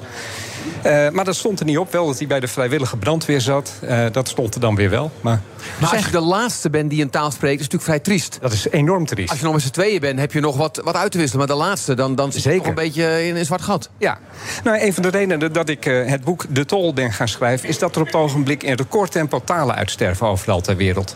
En als je dan bijvoorbeeld interviews leest met laatste sprekers... dat zijn altijd hele trieste gesprekken. Want die mensen die hebben per definitie niemand meer... om in hun eigen taal mee te spreken. Dus die zijn dan Even je verstaat nog wel op zo'n moment. Nou ja, die spreken dan meestal een tweede taal. Als ze in Zuid-Amerika zitten, zal dat Spaans zijn. Maar dan hebben ze bijvoorbeeld hun inheemse taal. Ja, daar hebben ze niemand meer om mee te, om, om ja, mee dat te spreken. Zelfs, hun- zelfs hun eigen kinderen niet. En dan, dan, ja, als je daar niet melancholiek van wordt, dan weet ik niet wat wel. Nee. Eh, Jij hebt, ik kreeg een paar recensies ook over jouw boek. Mensen vinden het een prachtig leuk boek. Alleen zegt ze, hij heeft het niet uitgelegd de opkomst van de tol. Hij heeft er vooral uitgelegd waarom de tol op een gegeven moment eh, uitstierf. Zeg Nou ja, kijk, de opkomst is, is duidelijk. Het, het begon omdat het, ja, de, de- er was een taal nodig in Nieuw-Amsterdam. En eh, aangezien het van Nederlanders was... ook Indianen, iedereen moest het gaan spreken. Indianen die kregen soms ook eh, nieuwe namen. Er was bijvoorbeeld een Indiaan die liep daar rond en die heette... en dan moet ik altijd even een aanloop nemen... Kegekakepol. Weet je hoe die in het Nederlands heette? Nou, nee, ik denk... geen Kees? Jochem. Jochem. Jochem. Dus je kreeg ook andere namen. Juan werd Jan. eh, dus mensen hadden daar eh, ja, een soort lingua franca nodig. En dat werd Nederlands. Ja, en dat was op een gegeven moment zo wijd verspreid. Op school werd het les ingegeven. eh, kerk. Ja, en toen kwam Heel er een belangrijk. omslag. hè. Op een gegeven moment werd het verboden, het Nederlands, toch? Op een gegeven moment werden er door de, de, door de Engelsen... die wilden heel graag dat bezit, dat moest ook echt Engels worden. Ben je gek dat daar mensen nog Nederlands spreken? Dus toen gingen ze het verbieden op school. Ze gingen het afschaffen in de, in de rechtszaal. Maar dat was pas na een eeuw nadat ze dat in bezit hadden gekregen. En thuis... En in de kerk werd nog steeds in het Nederlands en vooral, gesproken. en vooral in de kerk bleven mensen dat gewoon doen. Die bleven gewoon Nederlands met elkaar spreken. Het was de, de taal waarmee je met God sprak. Nou, dat is wel belangrijk, lijkt mij toch? Als je, vooral als je, als je heel erg gelovig bent. Ja, je, Ja. was de Nederlands, de gezeten, Nederlandstalige Ik ben katholiek opgevoed. eh, Ja. En als ik met God praatte, deed ik het ook in het Nederlands. Ook al. En ik moet denken aan, want je praat over de Britten die daar de boel overnamen. Ik ben half Iers en ik weet natuurlijk wat de Ierse geschiedenis is. Wat de Britten deden, en andere koloniale machten va- vast ook, is een taal bestrijden. Dus eh, eh, als je naar Ierland kijkt, er mocht geen Gaelic meer gesproken, geen Iers meer gesproken worden. Niet meer op school, niet meer in de kerk. Eh, de hele cultuur moest kapot gemaakt worden, zodat die Britten de baas waren. En dat is dus eigenlijk wat ze in New York ook deden. Die, die taal moest verdwijnen en daarmee ben je uiteindelijk de baas. Ja, en, maar vervolgens wat gebeurt er? Die eigenwijze Amerikanen die zeggen aan het einde van de 18e eeuw... maar wij gooien de Britten eruit en we worden onafhankelijk.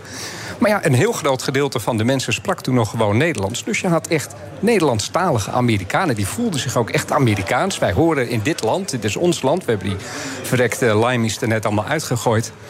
Maar wel gewoon Nederlandstalig. Ja, dus waren ook het- trouwe Nederlanders allemaal, toch? Dat is een speciale bijnaam hadden de Nederlanders ook, toch? Toen? Ja, de, de, de Yankees, hè, van, eh, echt gewoon letterlijk van Yankees. Ja. Het, is, het, is, eh, het is idioot, maar ja, zo kennen we tegenwoordig. Kennen we natuurlijk zo de Amerikanen ook allemaal. Oké komt uit het Nederlands? Oké, ja, is afkomstig van de enige eh, president van de Verenigde Staten... die niet Engels als moedertaal had. Van Buren was het. Van Buren heette die gewoon. En die, had, eh, die, die is op een gegeven moment is die opgekomen. Hij was advocaat. Hij is opgekomen de politiek. En mensen vonden het zo leuk. Hij heette, hij heette Martin van Buren. En ze vonden het zo leuk dat ze hem eh, president hebben gemaakt. En hij heette eh, dus Van Buren, maar hij kwam uit het plaatsje Kinderhoek. En zijn bijnaam luidde Old Kinderhoek. Oftewel OK. Ja, dit zijn verhalen. Wel goed, hè? En Dit zijn leuke en zijn, verhalen. en zijn campagne die dacht, hoe gaan we dit laden? Hè, zoals je dat met een moderne marketingterm noemt. Oké is geweldig, oké is goed, oké moet je is nooit oké. twee. Oké Ja. is In oké. die, die tijd kon je gewoon president worden omdat ze je wel een toffe gozer vonden. leuk je nu gozer. kijkt, Ja. je moet of een misdadiger zijn of heel oud.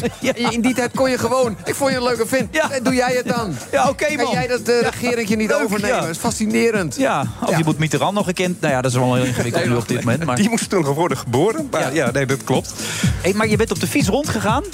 Ja, ik dacht, wat is nou... niet goed met je, Philip? Of Ja, nee, het gaat Nee? uitstekend met me, Oh, dankjewel. Ja, de, Ja. Dolf die, die loopt hard, ik ook overigens. Maar ik bedoel, wat, wat is er nou een echt Nederlandse manier om, eh, om je voor te bewegen? Op de fiets. En Ja. het was een relatief beperkt gebied waar ik moest zijn, langs de Hudson. Dus ik dacht, ik ga gewoon lekker fietsen. Dan kom ik op allerlei plekken waar ik anders misschien niet zo snel kom met een auto. En zo heb ik eh, ja, door, dat, door dat gebied gefietst. En is dat dan wat wij als Manhattan of, of Brooklyn kennen? Welk deel ben je dan? Nee, de, de staat New York en vooral, ook, en vooral ook de staat New Jersey. Net aan de andere kant van de Hudson. Eh, en daar liggen plaatsen als Hackensack bijvoorbeeld. Nou, die waren tot 1900 waren die hoofdzakelijk Nederlandstalig nog. Maar je hebt geen Kijk, opnames jullie, van... kijken, jullie kijken me nu aan met een blik van... Nee, nee, ik vind het juist Wij wij, interessant. zijn, wij zijn geboeid, gebiologeerd zijn wij. Als je het voor elkaar krijgt om zowel Dolf als mij stil te krijgen. Je bent goed bezig. Dan ben je echt... Dat is indrukwekkend, kan ik jou vertellen. ja, ik, moet neem dit onmiddellijk, zegt. ik neem dit onmiddellijk als een compliment. Maar Zeker. er is geen opname meer van de taal. Nee, er, is, er zijn een aantal opnames gemaakt. Vier in, om precies te zijn. Ze zijn alle vier zoek. Ze zijn weg. vier zoek? Ja, ik heb met het rolletjes van als ik het Nou, nou ja, goed. Maar je moet je voorstellen dat in de jaren 50 zijn nog een aantal opnames gemaakt. om te zorgen van dit moeten we bewaren voor het nageslacht. Maar ja, dan gaat zo iemand dood. En de, zijn, zijn zoon gaat ook dood. Is een kleinzoon die, die, die ruikt misschien wat op. Die vindt wat oude bandjes van opa, eh, oude troep. Weggooien. Oké. Kan dus zijn dat er nog ergens op een zolder... Ja, een zeker. cassettebandje of wat was het in die tijd? Eh, Een s- spoelen, een soort A-track inderdaad. Maar Dat ook, ligt ergens Maar in de- ook een cassettebandje uit begin jaren 70 jouw tol. nog. Ja, alleen eh, ik ben op zolders geweest. Ik ben een garageboxer geweest. We hebben ze niet meer gevonden. Het is echt Bij verschrikkelijk deze een jammer. oproep eigenlijk. Voor mensen die misschien nog Ja, even... ik heb, het, ik heb het al op meer eh, plekken geroepen. En, eh, If you are hoop- listening in New York City and you have a old het cassette liggen with uh, the toll, please uh, you at uh, Wilfred Gené. Ja. We, we weten tenminste dat het, eh, je, moet het... Je moet het een beetje vergelijken. eh, je moet het een beetje vergelijken met het Nederlands dat in Zuid-Afrika nog wordt gesproken. Dus het, het verbasterde op een gegeven moment heel erg sterk. Eh, zo ongeveer 70, 80 procent van het vocabulaire was nog echt wat wij ook als Nederlands zouden herkennen. Maar er zaten ook bijvoorbeeld Indianenwoorden in. Er zaten Duitse en Engelse woorden in. Dus je krijgt op een gegeven moment bijvoorbeeld een woord als skillypoet. dat Weet, jullie weg wat voor dier dat is? Skillypoet. Een skillypoet? Het is een, het is een dier. Schildpad? Een schildpad, inderdaad. Dat, is, dat Ja. is dus de taal voor schildpad. Nou, ja, absoluut, absoluut interessant wat je gedaan hebt, Philip. Bedankt ervoor. Mooi. En eh, alles er recht komt, zoals ze in Zuid-Afrika zeggen. Dus misschien dat je nog te, te pakken gaat krijgen. Philip Dreugen. Lijkt me een goed idee, Tot zo dankjewel. naar de reclame.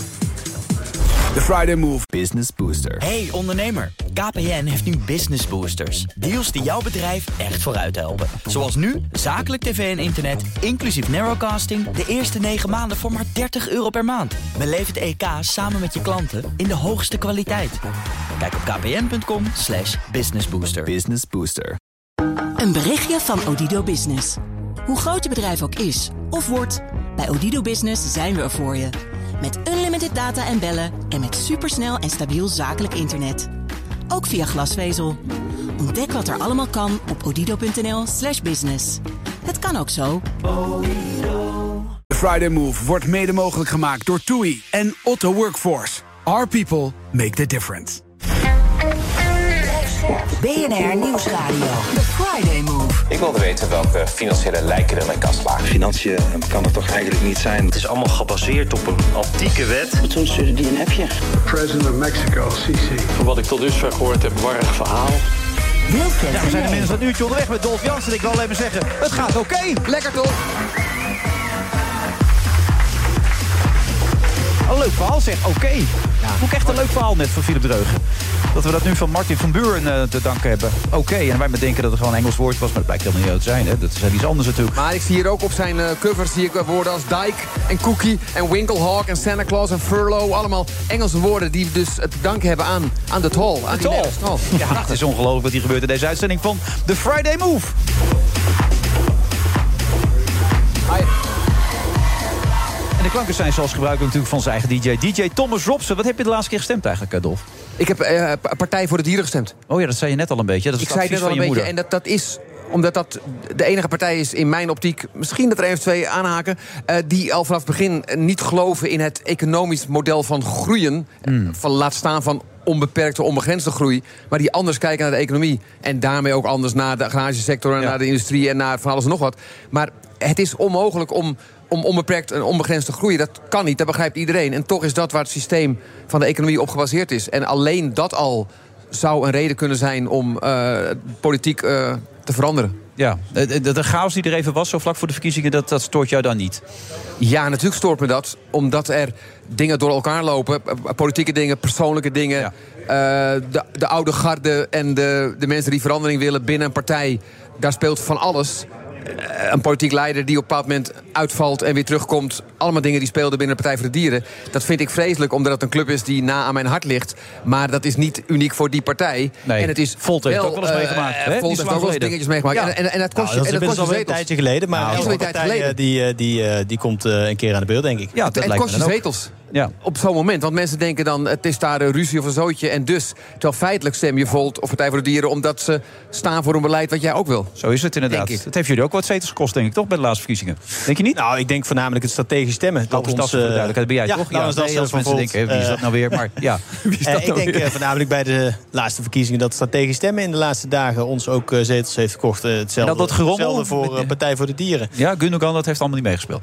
Ja, kijk, dat is inmiddels eh, bijna twee jaar geleden. Ja, dat is- niet zo lang geleden, toch? Dat zit dus- wel in het eh, collectief Als hij er niet over begonnen was, had niemand het nog geweten. Ja, Nou, eh, hij, hij begint er altijd graag weer over. Dat, eh, eh, maar ik, ik denk niet dat dat bij deze verkiezingen direct eh, heel veel meegespeeld heeft. Dat heeft ons toen wel heel veel eh, eh, gekost. Eh, hè, ook intern. eh, de hoop onrust. eh, en we hebben natuurlijk toen de gemeenteraadsverkiezingen gehad. Daar heeft het zeker wel een rol gespeeld. ja. Maar als jij zegt strategisch stemmen heeft heel groot invloed gehad... dat betekent dus, als je kijkt naar de ontwikkeling van die laatste week... dat heel veel mensen strategisch PVV zijn gaan stemmen. Want de PVV werd echt beduidend veel groter... dan, dan in peilingen en verwachtingen aanwezig was. Nou, eh, ik denk Dat dat... stap van Volt naar PVV gaat wel heel Dat, dat ver. is wel Dat heel lijkt ver. ook niet, maar wel strategisch Nee, stemmen. van de überhaupt. GroenLinks denk ik natuurlijk wel, hè. Eh, strategisch stemmen, ja, ik denk zeker dat VVD'ers daar een keuze in hebben gemaakt. Dat ze uiteindelijk voor de PVV zijn gestaan. Ja, ik denk ook dat dat een van de problemen van de campagne is geweest. Dat Jezus eh, de deur open heeft gezet naar de PVV. En dat daarom de PVV ook flink heeft kunnen groeien. En nou ja, Jezus heeft de deur naar het midden op dit moment helemaal dichtgeslagen. Terwijl ze nog steeds zit eh, aan tafel met een partij die het heeft over minder Marokkanen... over eh, journalisten als Tuig van der Richel... over rechters verdacht maken. Zo zat je gisteravond ook, hè, bij Ja, Humberto. nee, ja. Maar dat is natuurlijk wel wat er is gaande is. waar. Ja, en Het is- maar is geen spel De reden dat ik het benoem, is omdat we de hele tijd eroverheen stappen. Ja. Dus het heel snel gaat het dan weer. Ja, ging het over de financiën, over de stukken waar die nu wel en niet aanwezig. Eh naar omzicht heeft natuurlijk wel alles heeft, om heeft zijn leven gebeten, dat zegt hij toch? Maar de vraag waar het de hele tijd om gaat is... waarom zitten er überhaupt partijen met deze man aan tafel? Ja, dat gaf en het, ook al het, duidelijk het verhaal van... eh, eh, en dit heb ik gisteren denk ik ook gezegd. Ja, zeker. Van, eh, weet nu al wat je gaat eh, zeggen, maar doe het eh, maar. hij, hij heeft zijn leven gebeterd. Kijk, hij zegt ook, eh, eh, ik ben een man van mijn woord. En als je de afgelopen twintig jaar heel duidelijk bent... over wat jij wil met bepaalde groepen in de samenleving...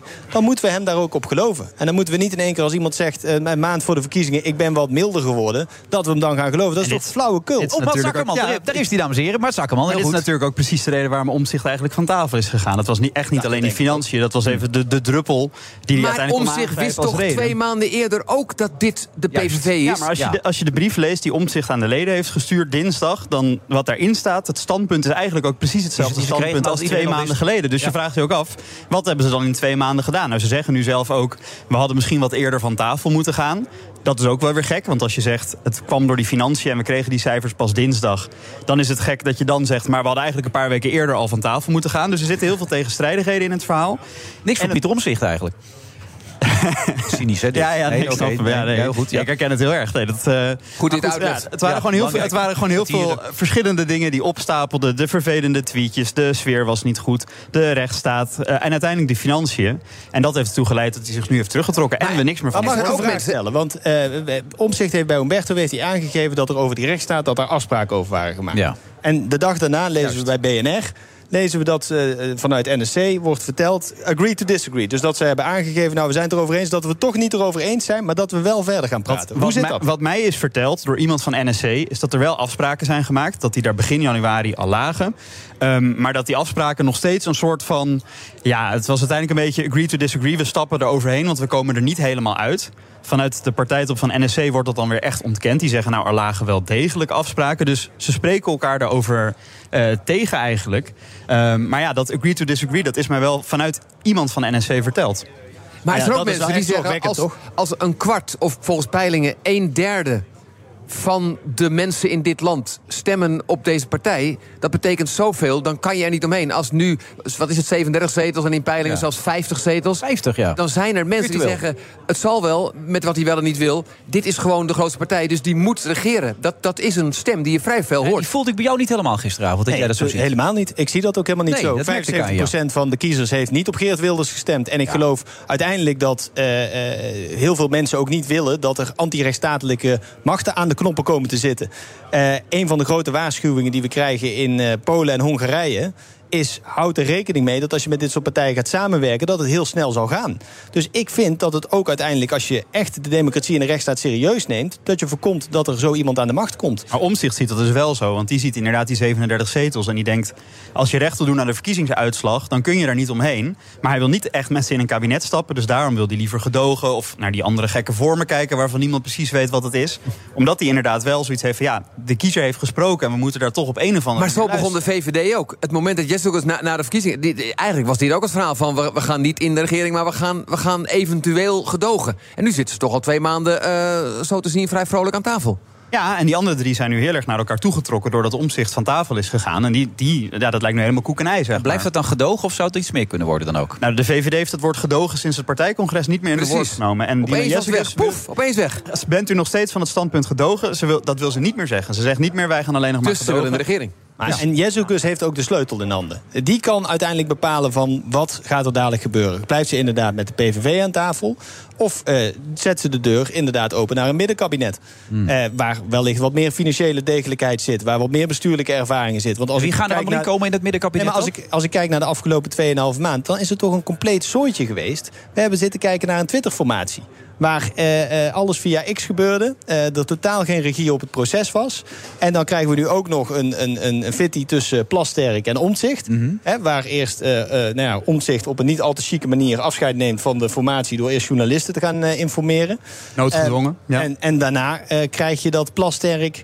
Eh, nou, ja, toch ook duidelijk kant gaat kiezen. En omzicht eh, eh, toch ook op een bepaalde manier de maat neemt over het instituut forma- informateur niet serieus nemen. Ja, toen dacht ik bij mezelf: kijk eens naar wat je zelf aan het doen bent. Je bent een foto aan het publiceren met een Lege stoel? met een bloemetje en een glaasje water. Je nodigt hem continu via Twitter nodig je hem uit om alsnog aan tafel te komen. Terwijl volgens mij heel duidelijk is dat hij niet meer aan tafel wil. Ja, dan vraag ik me ook een beetje af. Ben je dan informateur waardig? Want als informateur moet je ook boven de partijen Jij staan. vindt hem dus niet informateur Moet je waardig. ook eh, ik moet wel zeggen, jouw, brengt. overtuiging is groot. Hè? Dat ik gisteravond ook. Gisteravond zat je met Joost Eertmans, één zetel, jij twee zetels. Ik moest een beetje denken aan die, die muis en die olifant die samen op de brug lopen. Dat die muis zegt wat stampen waard. Hè? Dat, dat idee kreeg ik een beetje toen ik gisteravond zat te kijken. Enige bescheidenheid proefde ik nergens namelijk. Ik bedoel, er zijn een paar partijen die hebben echt gescoord. En daar kun je toch niet zomaar omheen gaan. Want jij zegt, ja, die hebben het maar steeds over de achterban van de PVV en waar ze voor staan. Maar daar hebben er echt een heleboel mensen op gestemd. En er gaan er misschien wel 50 zetels naartoe als het nog een keer zou Maar gebeuren. ik wil ook wel een onderscheid maken tussen de PVV Geert Wilders en de PVV-kiezer. Ik denk dat je de PVV-kiezer heel serieus moet nemen. En dat je daadwerkelijk moet luisteren naar de problemen die zij hebben. En daar moet je ook wat aan doen. Maar dat is totaal iets anders dan Geert Wilders, die een eenmanspartij heeft. Ik wil daarin meegaan. Maar de. PVV-kiezer die stemt op de PVV. En de PVV staat voor de dingen die jij noemde over bepaalde groepen in de samenleving. En de PVV heeft vriendschapsbanden met Rusland. Dat is allemaal bekend. Toch stemmen al die mensen op de PVV. Dat betekent dus dat ze daar of dat, dat ze niet interesseert. of dat ze dat wel best vinden. Want dat Dat is wat diezelfde mensen waarschijnlijk waar jij het in het begin van de uitzending over had... dat ze die kleine stap naar die boeren, naar die bank niet kunnen maken. Dat zijn dan diezelfde mensen weer. Ja, maar ik ga over niemand zeggen dat ze het niveau niet hebben om, het, om, om, om dit aan te kunnen. Maar feitelijk hebben de mensen dus geen probleem mee met vriendschapsbanden met Rusland. en met lelijke woorden over Marokkanen en over de islam. Schijnbaar hebben mensen daar geen probleem mee. Ik denk ook dus dat de PVV-kiezer niet een eenduidige homogene groep is. Eh, ik denk dat daar mensen tussen zitten, inderdaad, die racistisch zijn en die eh, eh, het geen probleem vinden dat. Nou, we hebben deze week weer gezien waarin een PVV'er eh Nederland de schuld gaf dat Poetin Oekraïne was eh binnengevallen. Omdat wij heel lelijk doen tegen de Russische omdat wij federatie. zo lelijk daartegen doen. Dat Maar is dat natuurlijk compleet van de zotte. Dat maar er wij, zijn ook maar- mensen. Eh, en ik vond dat heel mooi. eh, deze week was de medespeech van eh Jimme Noordkamp van GroenLinks P van de A. Die ook aangaf dat hij PVV eerder had gestemd. Ook omdat hij dacht van ja, nou ja ze nemen het niet serieus.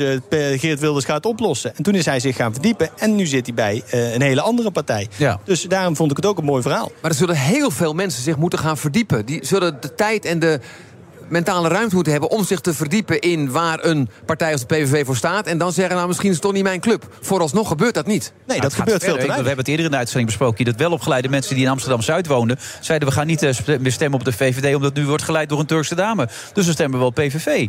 Dan denk je bij jezelf, waar zit ik nou te luisteren? Maar dat was gewoon serieus. ja, En wat- dat hoe, ga je dat absurd. voorkomen dan in de toekomst? Dat mensen dat gevoel hebben. Wat ga je eraan doen? Nou, ik denk eh, dat ook het uiteindelijk is aan politici om daarin het eerlijke verhaal te vertellen. En ik vind het daarom ook zo bijzonder dat de VVD de deur naar de PVV heeft opengezet. En mee is gegaan in de, de zondepokpolitiek van Wilders. Want heel veel van de problemen waar we mee zitten in Nederland, met de woningnood, eh, met eh, de denk je niet dat zij hebben gedacht door die deur maar open te zetten? Die is niet omdat er hier vluchtelingen naartoe komen. Hmm.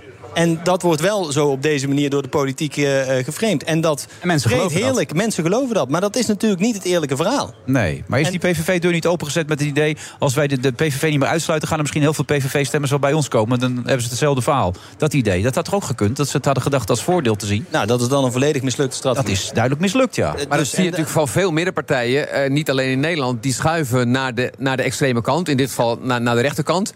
In het idee van dan nemen ze de wind uit de zeilen. Maar feitelijk betekent het alleen maar dat het volledige beleid naar rechts schuift of naar extreem schuift. Dat is wat er in al die landen gebeurt. In Duitsland zeggen ze erover... du kannst ein Stinkdier niet überstinken. Dus dan, hè, dan moet je dat ook niet proberen. Eh, Maar, maar Laurens, denk je niet dat eh, als het zou gebeuren... Hè, met een behoorlijk eh, rechts kabinet... dan moeten ze het maar een keer laten zien, toch? En dan zul je, zullen zij toch ook zien dat het niet kan? Dat het niet werkt, zo dat, wat ze allemaal in hun hoofd hebben Ja, dat hoor ik ook heel vaak. Maar tegelijk dan kijk, kijk ik dan naar Donald Trump. Hm? Eh, die man die komt overal mee weg. En ik denk dat Wilders in staat zal zijn om dan vervolgens de instituties de schuld te gaan geven. Ja, het kan niet vanwege de afspraken in de Europese Unie. Het kan niet vanwege wetten die eh, door D66-rechters worden tegengehouden. Eh, de journalisten nemen mij niet serieus. Dat is wat er dan gaat gebeuren. Dus ja, dit zou ik graag geloven. Maar ik maak me daar zorgen over. Vergelijk je nou Amerika met een land Ja, dat als is natuurlijk niet helemaal eerlijk. Want in Amerika kun je niet heel snel je president wegsturen. Je hebt maar één partij die daarachter staat. Als hier heb je vier partijen, je moet samenwerken. Als eentje vervolgens zegt, ja sorry, maar dit gaat te ver... dan heeft hij zich daaraan te houden. Want hij heeft uiteindelijk 37 zetels. Maar niet genoeg zetels om alles zelf te bepalen. Maar, maar dit is het interessante. Kijk, dit is de waarschuwing die we ook vanuit Polen en Hongarije kijken. Dus op het moment dat je gaat samenwerken, ben je al bezig aan die normvervaging. Wat Henry Bontebal mooi zei, democratisch ethos. In Polen is de grondwet niet aangepast, hè? Maar de hele rechtsstaat is daar wel kapot. En de scherven die daar nu moeten worden opgeruimd, dat is haast ondoenlijk. De problemen waar ze nu tegenaan lopen zijn gigantisch. Dus ja, ik bedoel, Nederland is natuurlijk niet te vergelijken met de Verenigde Staten. Maar er zijn tal van Polen en. Hongarije. Die komen al dichter bij ons systeem, zeg jij. En daardoor zou je hetzelfde kunnen krijgen. Precies. Uiteindelijk gaat het erom van je kunt heel veel ondermijnen al voordat je überhaupt wetten en instituties aan gaat passen. Maar dan heb je weinig vertrouwen in ons eigen systeem. Nou, ik ben in ieder geval wel waakzaam. Eh, en ik denk niet dat we de illusie moeten hebben dat het hier niet kan gebeuren.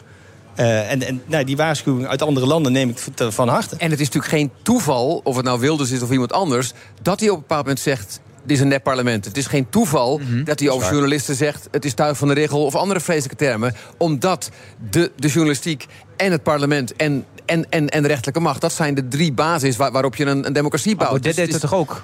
Baudet deed dat toch ook steeds op een gegeven moment? Ja, alleen Baudet is dan gelukkig dusdanig krankzinnig... dat de meeste mensen wel doorhebben dat, hij, dat hij krankzinnig is... en lekker in de maaltijdboxen zit. Wilders eh, is voor eh, misschien wel een derde of meer eh, van, van dit land... Een, lijkt een, een redelijk alternatief. Dat is nogal een verschil. Maar jij denkt niet dat als het een keer zou gebeuren, zo'n kabinet... en dat, ze kunnen toch niet allemaal uitvoeren wat ze in hun hoofd hebben... dat dan de PVV-kiezer wel weer tot bezinning komt? Ik Los kan- van wat, wat, wat Ja, Laurens het, dan het is zegt. waar we het net over hadden. Hebben mensen voldoende informatie en zijn ze in staat om voldoende informatie tot zich te nemen... door gewoon geregeld een krant te lezen... door niet alleen maar nu.nl of geen stijl te volgen... maar door feitelijk alles tot zich te nemen wat er speelt... in dit land, in Hongarije, in Duitsland, in Polen, noem maar op. Als je dat tot je neemt en verwerkt... is de kans groot dat je zegt... ik denk dat de PVV niet zo'n goed idee is.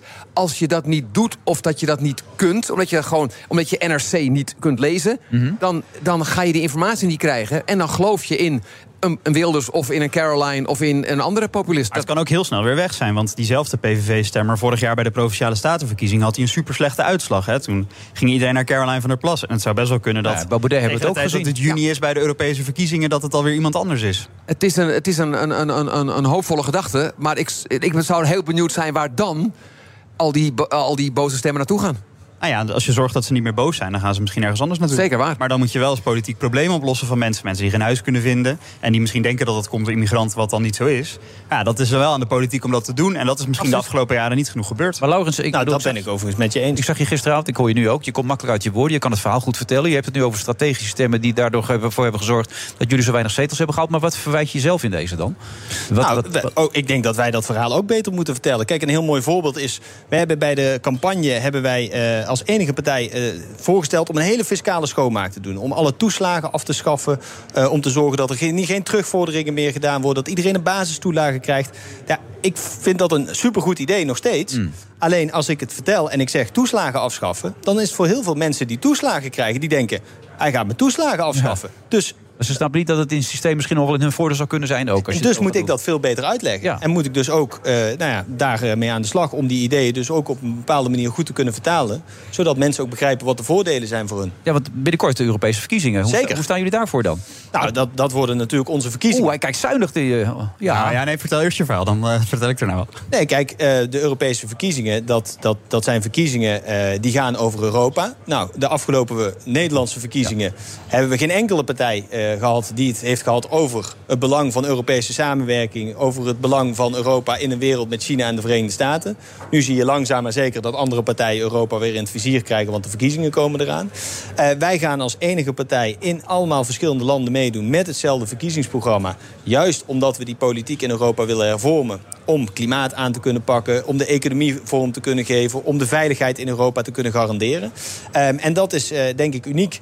Uh, dat doet geen enkele andere partij. Nee, maar het is heel ambitieus. Maar als je kijkt naar Volt, Volt is in Nederland groot. Hè? Je hebt 15.000 leden of zo. Ja, we gaan al richting de 16.000. Maar, maar, met, maar met het aantal stemmen wat je hier haalt... haal je niet eens één zetel in het Europees parlement. En dan is Nederland het land waar Volt er het beste voor staat. In alle andere Europese landen gaan jullie waarschijnlijk geen zetel halen. Uh, we hebben voor uh, vijf jaar geleden hebben we in Duitsland een zetel gehaald. Uh, vijf jaar lang heeft Damian Beuselaar in het Europees Parlement gezeten. Onder andere het hele corona-herstelfonds heeft hij daar vormgegeven. We hebben in Slowakije hebben we een fantastische lijsttrekker... die ook ervaring heeft in de politiek, waar we heel hard aan het groeien zijn. We hebben al in heel veel verschillende landen de verschillende democratische drempels gehaald. Dus het gaat heel goed met Volt. Maar wel langzaam. Want als jullie willen natuurlijk met Tuurlijk. al die Volt-fracties één fractie vormen... maar volgens mij moet je dan er minstens zeven landen gekozen worden. Zeven landen 25 mensen. Uh, ik, ik, ik denk ook niet dat dat uh, deze verkiezing misschien al gaat lukken. Het zou fantastisch zijn. Maar als wij vanuit Nederland, vanuit Duitsland, vanuit Slowakije, Portugal...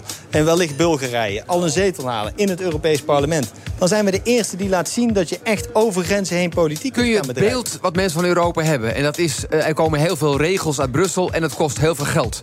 Het is, ik weet dat het maar een deel van het verhaal is, maar dat is het beeld dat mensen hebben. Kun je dat veranderen? Kun je het beeld dat mensen van Europa hebben veranderen... waardoor ze doorhebben dat, dat het belangrijk is om samenwerking op dat niveau te hebben? Ik denk met de oorlog in Oekraïne dat heel veel mensen heel goed zien... Uh, dat we elkaar in Europa nodig hebben voor onze eigen veiligheid.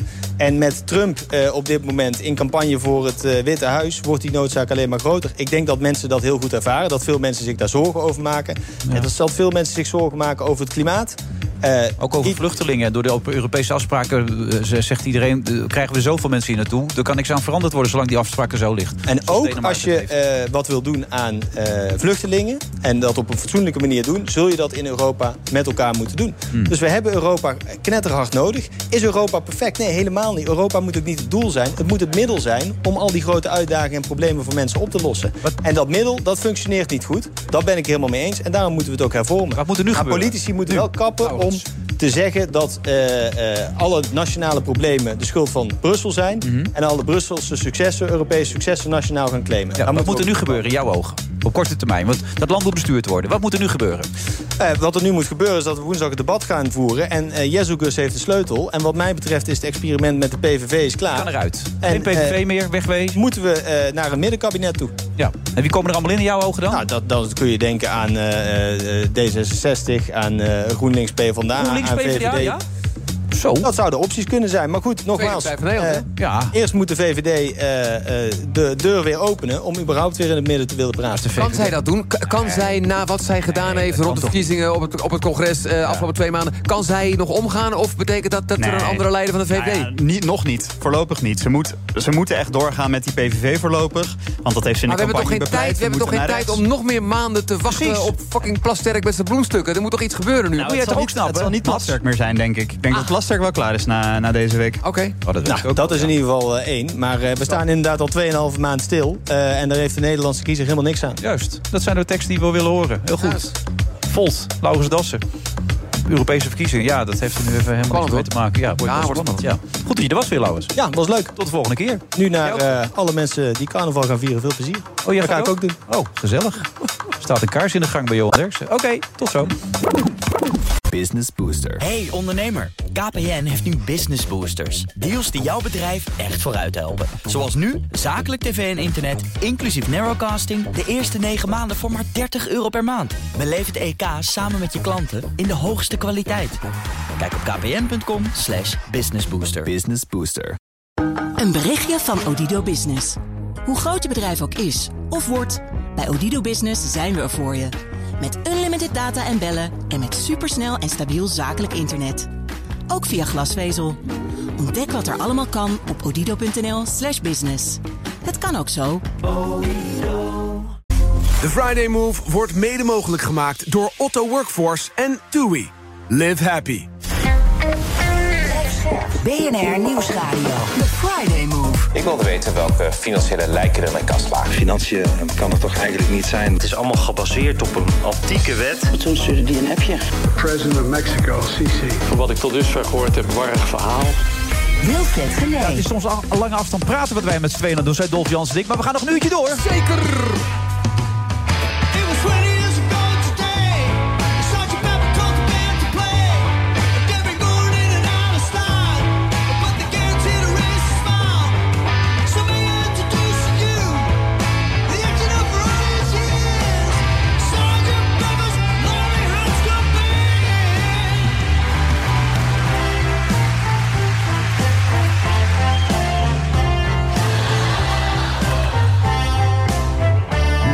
Onvermijdelijke vraag aan jou, eh, Dolf natuurlijk. Stones of de Beatles? Wow. Ja. Ik vind de Beatles liedjes beter, maar ik vind de Stones meer rock and roll. Oké. Wat zegt dit nu precies? Want Helemaal niks, Nee, maar feitelijk is het wel waar. Ik kreeg de Beatles mee zoals iedereen. En dus blijkt je gewoon honderd liedjes van de Beatles te kennen... omdat ze overal zijn en fantastisch. Ja. En de Stones, ik zag laatst weer een opname van... ik denk zo begin jaren 70, een live concert. Zo vuig en zo goed en zoveel rock and roll. Hmm. En de Beatles waren, ik hoop dat ik het kan zeggen aan deze tafel... toch wat minder rock and roll, maar meer gewoon go- goede liedjes... en hoe je uit conflict toch heel ver kan komen. Dus het is een eh, ja, ander verhaal. Ja, Fred Gering, goed dat je er bent, van de Analogs. Hi. Ehm, wat, wat vind je van wat hij zegt nu? Ja, daar ben ik het natuurlijk fundamenteel mee oneens. Ja? Maar dat lijkt me logisch. Zeker. Maar die rock and roll... Maar vroeger was dat een heel erg sterk gepolariseerd vraagstuk. Want die was of voor de een of voor de ander. Maar ik denk dat dat inmiddels door de tijd een beetje gesleten is. En je allebei mag goed vinden op hun eigen redenen. En ik denk, dan- muzikaal gezien ga ik voor de Beatles. En ja, stilistisch gezien kan je zeggen... eh, is misschien wat voor te zeggen voor de Stones. Dat is ooit een prachtig liedje van The House of Love, Britse band. Het was de Beatles en de Stones. Die eigenlijk gewoon zeiden van, je had ze alle twee nodig. Want je, je was 14, 15, 16, het leven was ingewikkeld... en je hoorde liedjes waar je, waar je wat mee kon. Dus je mocht ook van de Beatles en de Stones zijn. Dat vind ik wel mooi. Dat vind ik wel mooi. En dat mag nu vandaag de dag ook gewoon. Aan deze tafel Moet zeker. Het moet Het bijna. moet bijna. Moet bijna. Ja? Oké, je draait ze ook wel eens de Stones thuis dan? Stiekem. Oh, ja, mag niemand weten? Ja, is dat zo erg? Nou, het is wel de uitzondering op de regel. Oh, oké. Want voor de duidelijkheid, de Analogs de laatste tien jaar... dat waren de Beatles. Alleen maar met de Beatles bezig, Ja. toch? Alles uitgeplozen, alles uitgezocht. Instrumenten gezocht, waar soms maar twee of drie stukjes van werden gebruikt. Alles opge- opgezocht. Ja, dat is een echt een eh, totale ontdekkingsreis geweest eigenlijk. We hebben destijds dat idee opgevat om die, met name die albums die ze gemaakt hebben in wat wij noemen de studio years. Ja, ze gingen niet meer optreden, In hè? 66 Ze deden stopten ze met optreden. Ja. En tot 69 waren ze alleen in de studio. Dus eigenlijk drie korte jaren. Maar daarin hebben ze zes echt wereldwijd beroemde iconische albums opgenomen. En meer dan 100 songs, 15 of meer dan 15 nummer 1 hits door de hele wereld. Dus het was een extreem productieve tijd. Zowel qua hoeveelheid muziek, maar ook in verscheidenheid van muziek. Want die albums die gaan all over the place. Die zijn per jaar, per album totaal anders eigenlijk.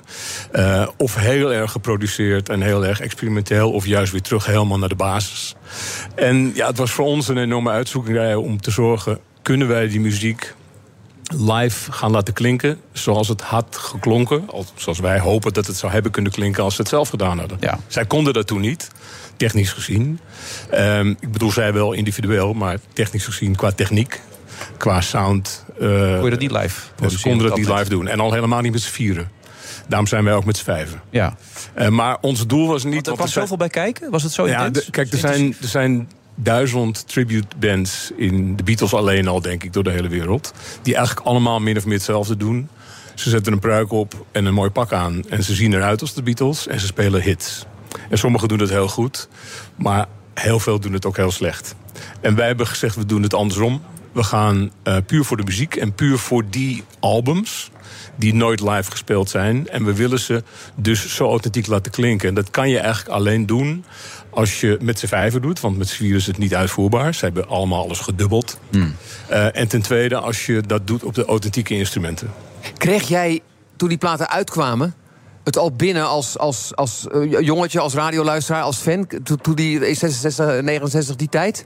Eh, ja, maar niet met de impact zoals ik nu retroactief over denk en aan naar kijk. Voor mij was het album wat het meest impact had, was de White Album. Dat was precies in mijn levensmoment dat ik dat begreep, zou ik maar zeggen. Hoe oud was je Daarvoor- Toen was ik eh 14. Ja. En waarom begreep je het zo goed dan? Nou, omdat mijn Engelse leraar in de klas op school eh, uit ging leggen waar de teksten over gingen. Ja. Dus het was een thema in de Engelse klas, zeg maar. En toen drong het door. Ja, toen begon het door te dringen en dan ga je uiteraard vandaar en dan teruggrijpend. En ja, ik ben uiteindelijk in mijn schooltijd, eh, studententijd, eh, heb ik in een bandje gedrumd. Mhm. Shocker, Beatles. Maar ook Kings en Stones. Ja, dus de muziek Hij van dat moment. Gespeeld, ik heb gewoon Ja, hij heeft gewoon gespeeld. Stones En hij vertelt het hier ook. Ja, Ja, ik durf het vertellen. gewoon toe te geven. uitgezonden, Mooi. dat weet hij waarschijnlijk niet. Maar dit wordt gewoon opgepakt natuurlijk. Wordt het uitgezonden ook? Ja, oh, ik dacht dat het alleen voor deze mensen was. Oké. Ik moet er wel bij zeggen, dat was een enkel Stone-nummer. Oké. Niet een serie. Nee, gewoon een liedje. Ehm, maar dat was heel erg leuk. Alleen ik ben op mijn 24ste voor mijn werk naar het buitenland gegaan. En Ja. dus de drums hield Het is op. succesvol ook, hè? Dat is allemaal, allemaal hartstikke leuk gegaan. Is ook, eh, muziek is heel erg leuk, maar dat is ook heel erg leuk. Ja, jij hebt bij Tommy Hilfiger onder andere gewerkt. Dat klopt. Ik heb laatst Ivonier nog even zitten terugkijken omdat je kwam. Oké. En dat is heel erg goed gegaan. Het heeft je heel veel geld opgeleverd. Dat geld heb je weer gebruikt om dit te kunnen gaan Dat doen. ben ik nu bijna allemaal weer kwijt. Ja, is het allemaal op? ja? Nee, maar jullie spelen, jullie spelen gewoon een avond in de Ziggo Dome en, Ja. en met drie vrachtwagens. In, Dus inmiddels, maar die drie vrachtwagens die namen we ook mee naar eh Winschoten, zou ik ik maar weet zeggen. het, ik heb je wel eens gezien. Het is echt, ze hadden echt heel veel spullen. Nou, Ja. in, in het begin was het wel dat je dacht van oei. Want we zaten bij wijze van spreken met meer mensen op en rond het podium dan in de zaal zaten. Ik denk dat jullie aankwamen de technici van de klinker in windschoten Ja, niet echt blij is waren. Dat denk ik niet. Dat Ja. denk ik niet. Ja, maar je hebt er geen spijt van, heb ik de indruk. Want het was toch Nee, een fantastische strip. Destijds nooit als een zakelijk idee gekomen. Het was puur uit passie Ja. en respect. eh, voor de muziek van de Beatles. En er is, we hebben eigenlijk alleen maar gestre- eh, geprobeerd te streven naar de excellente sound. En gewoon om te En bereiken. dat is gelukt. Als je de recensies moeten. leest, als je de reacties Ja, dat leest. was in het begin was dat, was fantastisch. dat. Wij voelden dat al snel gebeuren. Maar het heeft wel even geduurd voordat de mensen in de zaal dat aan elkaar gingen vertellen en terugkwamen met hun vrienden. Ja. En dan een paar keer tv en de zalen werden groter. Uiteindelijk gingen we naar Engeland, naar Palladium en Liverpool en eh, Parijs, Olympia en Ziggo Dome. De eerste keer was natuurlijk Carré, was de grootste ervaring. Hoe krijgen we dat ooit vol? En nog een carré, nog een carré, concertgebouw, Ziggo Dome, et cetera. Dus het is echt heel erg groot geworden. Dus nu hoor je me daar niet meer over klagen. Maar dit heeft wel een paar jaar lang eh, moeten duren voordat het... Ja, en dat heeft je wat gekost. Maar, Ja, zo. Ja. Wat Maar ja, gebeurde er met jullie als, als, als mens, als liefhebber... toen je Abbey Road, als je zo'n studio binnenloopt... een studio waar, waar, waar, waar het gebeurd is... wat, wat gebeurt er dan gewoon, gewoon emotioneel? Nou, er zijn, als ik heel eerlijk ben, voordat we op dat punt komen... er zijn he- heel veel momenten geweest door die afgelopen tien jaar... dat we hiermee bezig zijn geweest. Want ze maakten het in drie jaar. Maar het heeft ons bijna tien jaar geduurd om het allemaal eh, te Na reproduceren. te spelen, ja. En, en eh, iemand zei ooit bij ons, je bent op een gegeven moment aan het spelen... en dan hoor je jezelf in die plaat. Dus je hebt die plaat 40, 50 jaar lang gedraaid en gehoord... en opeens sta je erin, want zo echt klinkt het. En die mensen in het publiek hebben dat vaak ook zo ervaren. Het zijn vaak hele emotioneel beladen momenten. En dat geldt voor ons ook weer. Als we een nieuwe plaat afleveren en gedaan hebben... of een nieuw land ingaan of een nieuwe zaal ingaan. En dan denk je van, is het het chauvinisme van ons Nederlandse friends en family en publiek? Nee, maar in Engeland, in Duitsland, in Frankrijk en België... is het Mhm. Nog precies hetzelfde. toch? Misschien ja, nog wel misschien wel enthousiaster. Ja, dat publiek, het publiek ehm, is anders. Ja. Ze klappen langer. Ze juichen meer. De Nederlanders zijn wat dat betreft eigenlijk een klein beetje terughoudender. Ja, ik, moet je, ik, ik was er niet zo in thuis. Jij kende het dus al, de analogie. Je was er helemaal in Ik thuis. ken het ook omdat zeker twee van de mannen die in de band spelen... ook weer in andere bands, dus in, in, in en, oké, en ja. met andere bands... op het Excelsior label, eh, de Diederik. Dus ik kende de muzikanten enigszins, maar dit samen niet. Maar ik heb wel veel ervan Ik gezien. heb een paar stukjes teruggezet. Misschien kunnen we ook even een stukje laten horen. Het klinkt echt fantastisch.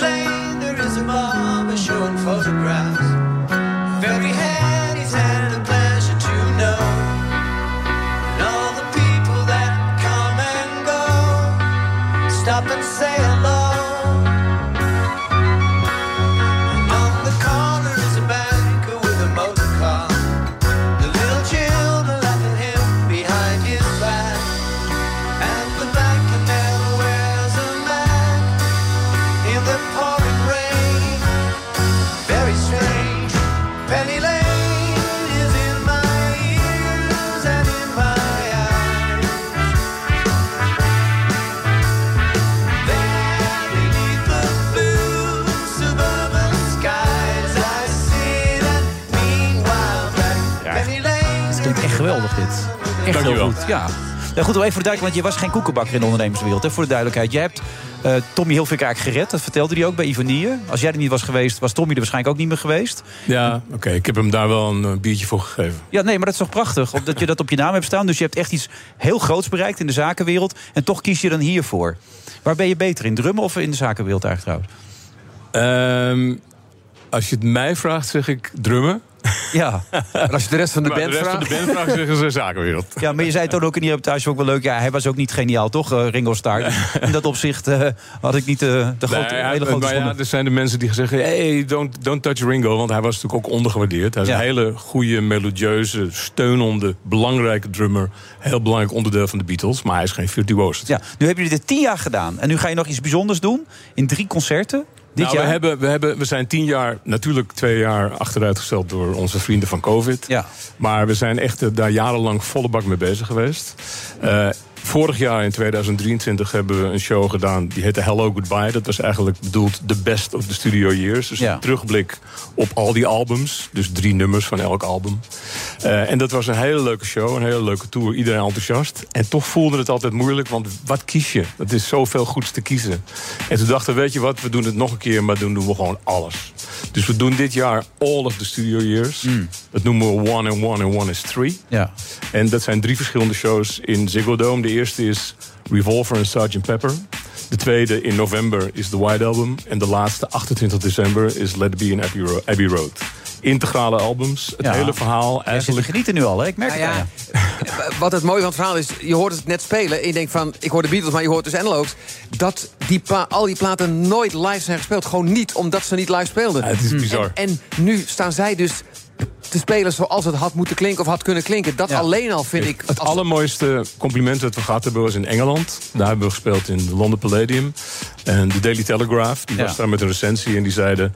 Few of us can say we ever saw the Beatles live. After tonight I can say I heard them. Ja, fantastisch. Niemand kan ze, weinigen kunnen zeggen we hebben ze gezien, maar na vanavond kan ik zeggen ik heb ze gehoord. En, Fred- dat is eigenlijk het doel. En dan sta je dus op die fundraising en dan staat die Paul McCartney achter je.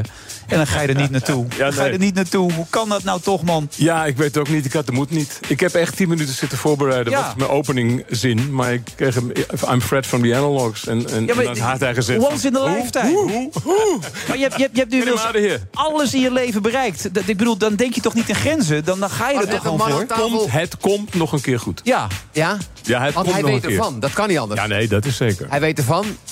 En maar ik hij denk heeft dat zich hij nog het... niet gemeld. En dat is heel vervelend. Want ik had gehoopt dat hij dat wel gedaan had. Want Nou ja. de droom is natuurlijk dat hij een keer mee komt doen. ja, bij deze de oproep. Hè? Paul, Paul, Ja, if you're listening. Ja, nee. Are you there? Ja. Are you there? Nee, maar dat zou toch Contact fantastisch zijn? Ground control. Ground control to Paul. Nee, maar dat moet zo'n man toch ook intrigeren? Dat de nummers die zij nooit live hebben kunnen spelen... nu live gespeeld worden? Ongelooflijk. En- ja, dat kan niet anders. Ik We reken hebben wel wat contact ook. Jij hebt ook wat contacten. Ik We kan, even... ik kan Paul... Make it happen. Ja. ah, ah, ah, ik, ik stuur hem een sms'je. Ik stuur hem een sms'je. Zijn er nog tickets? Dat is belangrijk om te weten natuurlijk voor de Er zijn, eh, eh, moet ik zeggen, helaas nog tickets. Want het is in de afgelopen drie dagen nog niet uitverkocht. Maar ja, het zijn wel drie shows. Hè? Ja. Normaal verkoopt iemand één show en dan is het uitverkocht, verkopen ze de tweede.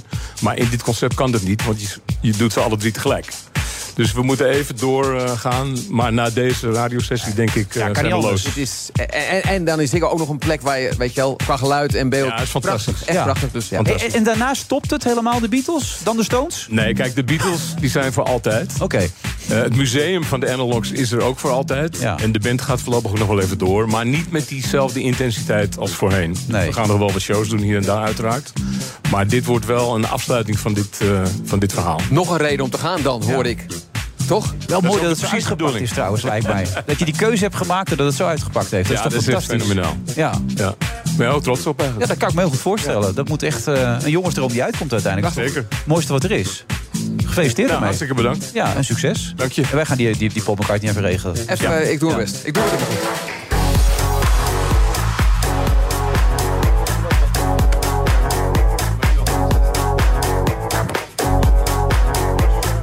Vrijdag, eh, wat is het? Oh, oh, Bernard Hamburg wil iets zeggen, dames en heren. Terwijl hij zo nog geen microfoon heeft gekregen. Bernard, niet te getig natuurlijk zijn vandaag. Wat wilde je zeggen, Bernard? Nee, helemaal niet. Maar ik, ik zit natuurlijk gefascineerd te luisteren, want ik ben ook fan. Van de Beatles? Ja, zeker. En ik, ehm, ik was correspondent toen eh, in New York toen eh, John Lennon werd vermoord. Dus ik heb ontzettend veel tijd besteed voor en rondom dat eh, gebouw waar dat is gebeurd in de 72 straat, Dakota Building. Building. En ik heb ook de opening van eh, Strawberry Fields in Central Park allemaal meegemaakt. Dus dat kwam allemaal nu weer terug. Ik was het vergeten eerlijk Ja. gezegd. Maar dat kwam door En dit hoe zijn jouw contacten, contacten met Paul McCartney? Want als we het hier vandaag nog aan de tafel kunnen aftikken... dan is dat allemaal mooi als we het kunnen regelen. Dat zou ik graag willen. Nee, niet? Linkshandige gitarist, dat zijn er niet zoveel. Ehm, ja, en wat moet ik zeggen? Ik ben... Ik weet het niet wat je wil zeggen. Je mag alles zeggen in het niks. programma. Nee, ik Maar ben- wel fan. Ja, tuurlijk. Ik ben een enorme Maar niks met de Stones. Ook wel. Ik ben, Ja? ik ben eh, in, daar had het straks over met Alex. Ik was ook in Madison Square Garden een keer naar een concert van de Stones. Dat vond ik ook onvergetelijk. Eh, maar de, de Beatles, het ga- gaat mij, ja, het is de stijl en rock of niet rock. Ik heb geen verstand van. Je bent geen rocker. Niet zo erg, Nee, maar nou, ik vind. de- de- Heb je een ondeugende periode gekend eigenlijk? Was je ooit een rocker? Ja. Nee. Nee, we had, ja, ik ben in Amsterdam opgegroeid en dan had je de pleiners en de dijkers. Jazeker. weet je. En de pleiners, dat waren echt Beatle-fans. En de dijkers, dat waren... Leren jekkies, achteroverkant ja, haar. Juist. En, en, en van die brommers met die enorme grote tanks. Ik ben vergeten hoe dat heet. Je was een pleiner, was jij. Zundaps of Jij was Kruiner? echt een Ik, ik was echt een pleiner. Echt een pleiner. Ja, ja. Op een fiets. Hè? Ja, ja, ja. ja op Wat rommeltje achterop, regenpak. Ja, ja, Ja. Oude, een ouderwetse damesfiets, zou ik maar Leuk zeggen. meisje achterop, als het mee zit. Ja. Ja, ja, ja. ja, Ja, ja, ja. ja. En dat Nee, ze niet. helemaal. Dit is het. Ja. Ja. Dat is het leven. Ja. Heb je ooit gekke dingen in je leven gedaan? Nee, nooit. Helemaal niks? Nee, nee. nee ik moet, moet denken aan eh eh, Freek de Jonge... die ooit een van zijn conferences opende... met eh, ongeveer de volgende zin. De mensen vragen mij wel, wel eens... maak je wel eens iets mee? Het antwoord is nee. En daar ga ik u nu een voorbeeld van geven. En eh, dus dat, dit is net zo'n vraag. Heb jij wel eens wat meegemaakt, Wilfred? Nee, totaal niet. Nee. Hey, maar ik vroeg net aan, aan Dolph wie hem het meest teleurgesteld heeft in het leven. Maar daar had hij eigenlijk Ja. geen antwoord op. Nog niet, misschien dat het nog komt. Ja. Heb, heb jij iemand die jou echt teleurgesteld heeft in het leven? Nee. Nee? Wat lekker allemaal, toch? Ja. nee, nou, nou ja, je Maar hebt... zou het kunnen dat dat dus ook andersom is? Dat je, dat Nee, je maar is- niet zo laat teleurstellen? Ja, als je het precies, bedoelt. ja. Dus, dus je kan constant door het leven teleurgesteld worden. En die mensen zijn er. Maar je kan ook denken, oké, iemand doet iets. Oké, jammer Nee, maar dan. Weet je wat, Doei. weet je wat de, grootste, de grootste vijand voor de gemiddelde mens is? De verwachting. Want meestal, als je teleurgesteld wordt of beledigd wordt of weet ik veel wat, dan is dat omdat je iets van iemand verwachtte. Maar is dat niet en of het gebeurt niet, niet of het gaat op een andere manier. Als je je ver- verwachtingspatroon naar bene- beneden draait, en dat heb ik heel bewust gedaan, dan word je ook niet teleurgesteld. Arctic Monkeys, Britse band, die zeiden... Anticipation is a way of setting you up for disappointment. Juist, ik, precies, dat is het. Anticipation is a way of setting Ja. you up for disappointment. Als Ja. je denkt van, oh, ik ga dat, dat, dat, valt er tegen. Ja. En, en als je Xander de Buzoyer bent, zit ik je het- en, Wonder. en, en nog wat, degene die je dan tekort doet... Hè, in Ja? die redenering, die weet vaak zelf helemaal niet dat hij je tekort Vaak doet. niet. Nee. Vaak niet. Nee. Denk je niet? nee. Soms wel. Mensen kunnen je ook bewust teleurstellen. Zou ik net zeggen, ja. Kan wel gebeuren. Zeker gebeuren, ja. Genoeg over jouw leven. Ja, dat bedoel ik. de verwachting is niet verstandig. Dat is eigenlijk wat je zegt. Je moet niet Ja, veel nee, je moet, nee, je moet daar heel, heel terughoudend mee zijn. is En altijd een meevallen wat je moet ook, Als ik vind, dat, tegen je ik is. vind dat mensen niet dingen van elkaar moeten verwachten. Met de uitzondering van kinderen. Die mogen wel van hun ouders dingen verwachten. Andersom bijvoorbeeld niet. Oké. Dus het is al heel moeilijk om tegen je dochter of zoon te zeggen... ik verwacht eigenlijk dat jij... Morgen twee doelpunten maakt. Juist. Ja. Of, of überhaupt langs vanuit komt. morgen. Of wat dan ook. Ja. Ja. Ja, het zou mooi zijn, die twee doelpunten. Ja. Wow. Ja. Hij heeft al een tijdje niet gescoord, dus het zou Nee, lekker het wordt wel hoog tijd. Het wordt hoog tijd, ja, dat weet hij ook. Nou, maar zonder gekheid. Het is wel, ja, het is wel een goede levensles dit eigenlijk. Wat je zegt ook over dat wat er langskomen is ook wel een goede. Ja. Dat moet je later niet verwachten van je kinderen. Als ze het doen is leuk. Precies. Maar dat zeg ik nu al eens tegen ze. Ja. Als je geen zin hebt later, niet doen hè. Niet doen. Nee. En je hoopt natuurlijk wel dat ze langskomen.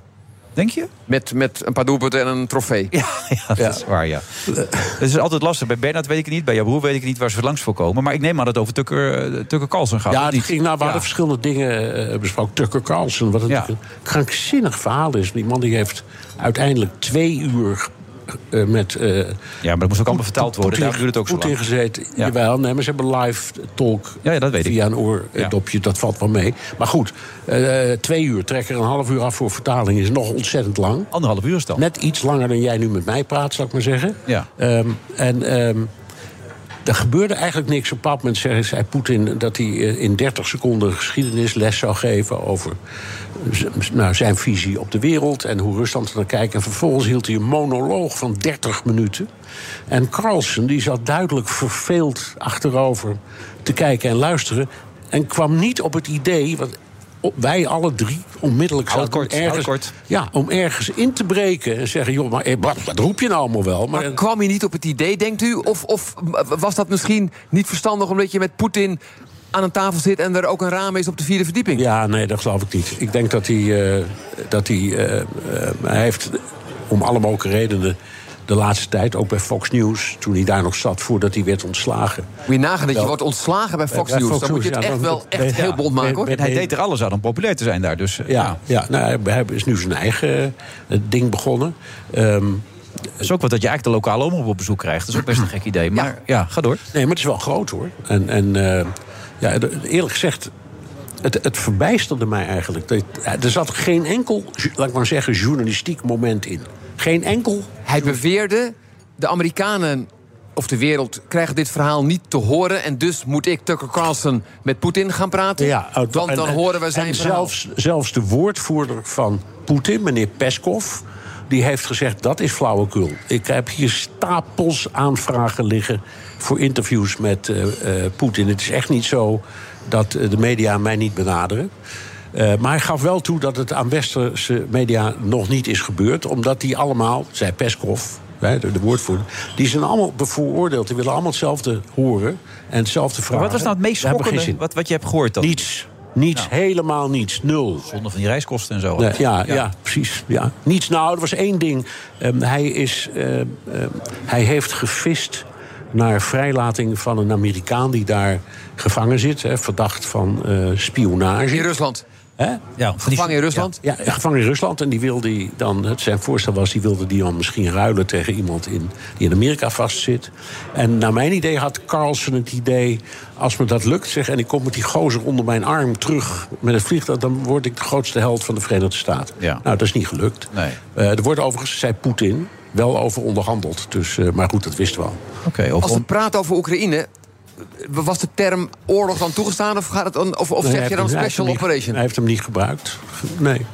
Hij heeft hem niet gebruikt. Ik bedoel, eh, eh, Hij zei toch, als we nu stoppen met het leveren van wapens... is met een paar maanden afgelopen, dan heb je geen last meer van mij. Dus, ja, zo is het. Dat is een beetje de ja, conclusie. ja, ja, het ja, maar goed, dat is zijn frame. Zijn frame is, dat hij is helemaal geen oorlog begonnen. Hij moest wel optreden om zich te, om te verdedigen tegen een aankomende invasie.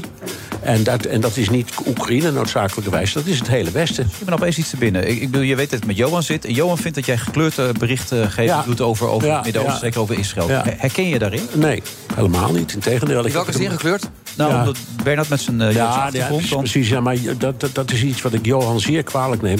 Dan zegt hij, ja, dan zijn er Joodse columnisten. Hij heeft me ook bij naam genoemd op een bepaald moment. eh, columnisten. En alsof ik, omdat ik Joods ben... eh, niet, niet gewoon mijn werk kan doen. Dat vind ik zoiets Maar bekrompends. vind je daarin te pro-Israël en te weinig de nuance opzoeken? Dat herken je dus niet. Helemaal niet, integendeel. Nee. Maar luister, ik, ben, ik moet het op de een of andere manier goed doen... want ik krijg kritiek van twee kanten. Ja, het is een goed teken, vind Ja. ik dat. Dat is zeker een goed teken. Wat vindt u ervan dat kritiek Hij zegt op... u tegen hoor je dat? Ja, dat, ja, dat lijkt me logisch. Wat vindt u ervan dat kritiek op de staat Israël... eh, als antisemitisme wordt be- be- betiteld? Dat hangt, er, dat hangt er vanaf. En dat, daar ging discussie ook over. Johan zei op een bepaald moment, toen het begon allemaal... ehm, die, die vreselijke inval... eh, toen zei hij, ja, maar dat hebben de Joden ook wel een beetje aan zichzelf te wijten. En, daar, en dit is het antwoord op jouw vraag. Dus het is, er zijn mensen die de stap van Israëliërs naar Joden... en dan eigenlijk elke Die heeft hij later weer enigszins proberen recht te ja, dat weet ik wel. Maar hij heeft het wel gezegd. En hij is niet op zijn achterhoofd gevallen. Dus hij heeft erover daar moet hij over hebben nagedacht. Het is ook wel ingewikkeld, want Israël heeft zichzelf natuurlijk tot Joodse staat kan omgevormd. wezen. Dat kan wezen, Omdat maar- dat voor meneer Netanyahu de manier was om aan de wind te blijven, eh, et cetera. Ja, dat- allemaal, dat, dat- nou ja, oké, dat kan allemaal. Maar ik ben niet verantwoordelijk voor het gedrag van Netanyahu of Israël. Of, Zeker niet. Of de krijgsmacht. Of doden in Gaza. Daar ben ik niet verantwoordelijk voor. En dat, dat- ik, Maar over die Netanyahu gesproken, hij lijkt niet te willen stoppen. hè? Nee, dat is vreselijk. Ja. Die man het is echt. eh, hij, hij is erin geslaagd iets wat geen enkele. ehm, Israëlische leider ooit is gelukt om echt de Amerikaanse president woedend te krijgen. Want Biden is nu echt woedend op hem. En dat weet hij nog steeds? Ook? En dat Waarom? weet hij. En hij Ja? zegt, ja, maar ik ga toch nog even door, want ik ben er bijna. Oké, maar bij- ik bijna heb bijna gewonnen. Ja. En, en, maar hij gaat dus gewoon door, er komt geen bestand, er komt geen staakt het vuren. Ik, ik, natuurlijk komt dat er. Op een bepaald moment komt dat. Ja, maar dan is iedereen dood. Nou, dat weet ik niet. Maar ik, denk, ik, denk, ik denk dat het er wel komt. Maar, en, en, en zeggen, de kritiek die Netanyahu had op het voorstel van Hamas... was ook weer niet helemaal zo raar. Er zaten, er zaten, het was een redelijke kritiek. Alleen Blinken, de Amerikaanse minister die op dat moment rondreisde daar... die zei, nou, dit, dit, dit, daar kunnen we niet zoveel mee... maar het is wel mooi om op, op basis hiervan met elkaar door te praten. Ik zie allerlei eh, eh, mogelijkheden om hier op, door te onderhandelen. De Egyptenaren, die heel goed werk verrichten, deden, deden eraan mee. De Saoedi's deden mee. Qatar deed mee. Jordanië deed mee. Dus er- waren best kansen. Oké. Ja. Wanneer zal het, denkt u, voor Netanyahu dan voldoende zijn? Want een groot deel van het land lijkt vernietigd als je de beelden ziet. Ongeveer iedereen is, is ontheemd of op de vlucht. Wanneer is het voldoende? Nou, hij, hij denkt dat in Rafah, waar dus nu in het zuiden, waar nu de, de strijd woedt, dat daar nog een paar, ik zal maar zeggen, eh, Hamas rover hoofdmannen zitten. En die wil hij hebben. Als dat is gebeurd, is het klaar. Daar komt het op neer. Alleen, wat gebeurt er daarna? Dat is het grote probleem. En de Amerikanen en de rest van de wereld zegt... ja, dan moet je een internationaal eh, ding. Overigens, het nieuws van zojuist... is dat aanstaande maandag er een nieuwe eh, bemiddelaar heen gaat. Oh. En die heet Mark Rutte. Echt waar? Ja. Oh, maar dan komt het goed. Ja, dat komt goed. Ja, dat is fijn. kans is heel groot. Dat denk ik ook. Laten we ja. het hopen. Ja, dat denk ik. Laten we het hopen. Weet wel zeker. Maar er lult er overal wel een punt aan. Goed dat je er was, eh, Bernhard. Tot zo. Business Booster. Hey ondernemer, KPN heeft nu Business Boosters. Deals die jouw bedrijf echt vooruit helpen. Zoals nu, zakelijk tv en internet, inclusief narrowcasting... de eerste 9 maanden voor maar 30 euro per maand. Beleef het EK samen met je klanten in de hoogste kwaliteit.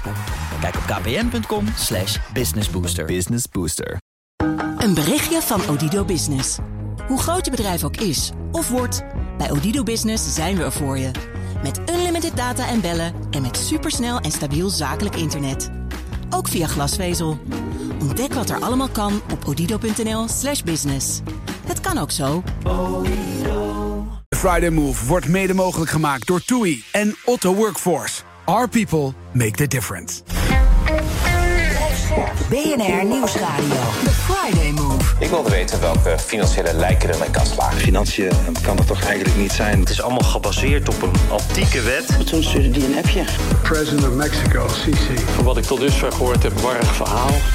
Wilfred Ja, zijn Genee. twee onderweg, maar hij is nog steeds niet buiten adem. Dolph Jansen. Echt niet, echt niet, echt niet. Ja, want dit geeft energie. Vind je ook niet, als je dit soort dingen doet? Ja, dat vind ik ook. Vind ik ook. Het zijn, het zijn goede gesprekken. Het zijn goede gasten. En ja, het, het, elke keer een ander, ander deeltje van je, van je brein wordt aangesproken. Want de ene keer gaat het over muziek en wat het met je doet. En de andere keer over de oren van Stevie Wonder. De andere keer over een taal die niet meer spreekt. En de, de politiek en Tucker Carlson en, en, en Poetin. Ja, er gebeurt wat. Ja, en ik kreeg die teleurstelling mee, want ik heb dat wel een paar keer gevoeld, die teleurstelling. En toen dacht ik bij mezelf, daar heb je gelijk. En ik heb daar toch veel te veel van verwacht van die mensen. Dat zit erin. En ik bedoel, ik, het is net als... Ja, het is niet zo dat je jezelf aan of uit kan zetten van zo hard gaat die teleurstelling binnenkomen. Dat is natuurlijk niet zo. Maar je kunt wel, denk ik, op een bepaalde manier in het leven staan. Waardoor de kans groter is dat je het meer zelf in de hand hebt. eh, en dus niet afhankelijk bent van een ander. En dat lukt nooit 100%. Maar als je natuurlijk je, je eigen weg bepaalt en je eigen geluk bepaalt... is de kans groter dat je niet teleurgesteld raakt. Eh, Terwijl als je het van een ander verwacht, dan wel. Hoe diep gaat je relatie met iemand dan als de teleurstelling zo minimaal is? Ik, ik heb het gevoel dat naarmate je dichter bij elkaar komt... dat je dan ook iets meer mag verwachten van elkaar. Ja, zeker. Maar als je natuurlijk echt de, de, echt de, de perfecte vrouw hebt gevonden... dan ben je en heel dicht bij elkaar en nooit teleurgesteld. Oké, het is wel een hele mooie dit. Ja, Jelle van Baardenwijk. Goed Romantisch. Ja, filosoof, ethicus. Kun je wat mee of niet? Heel romantisch.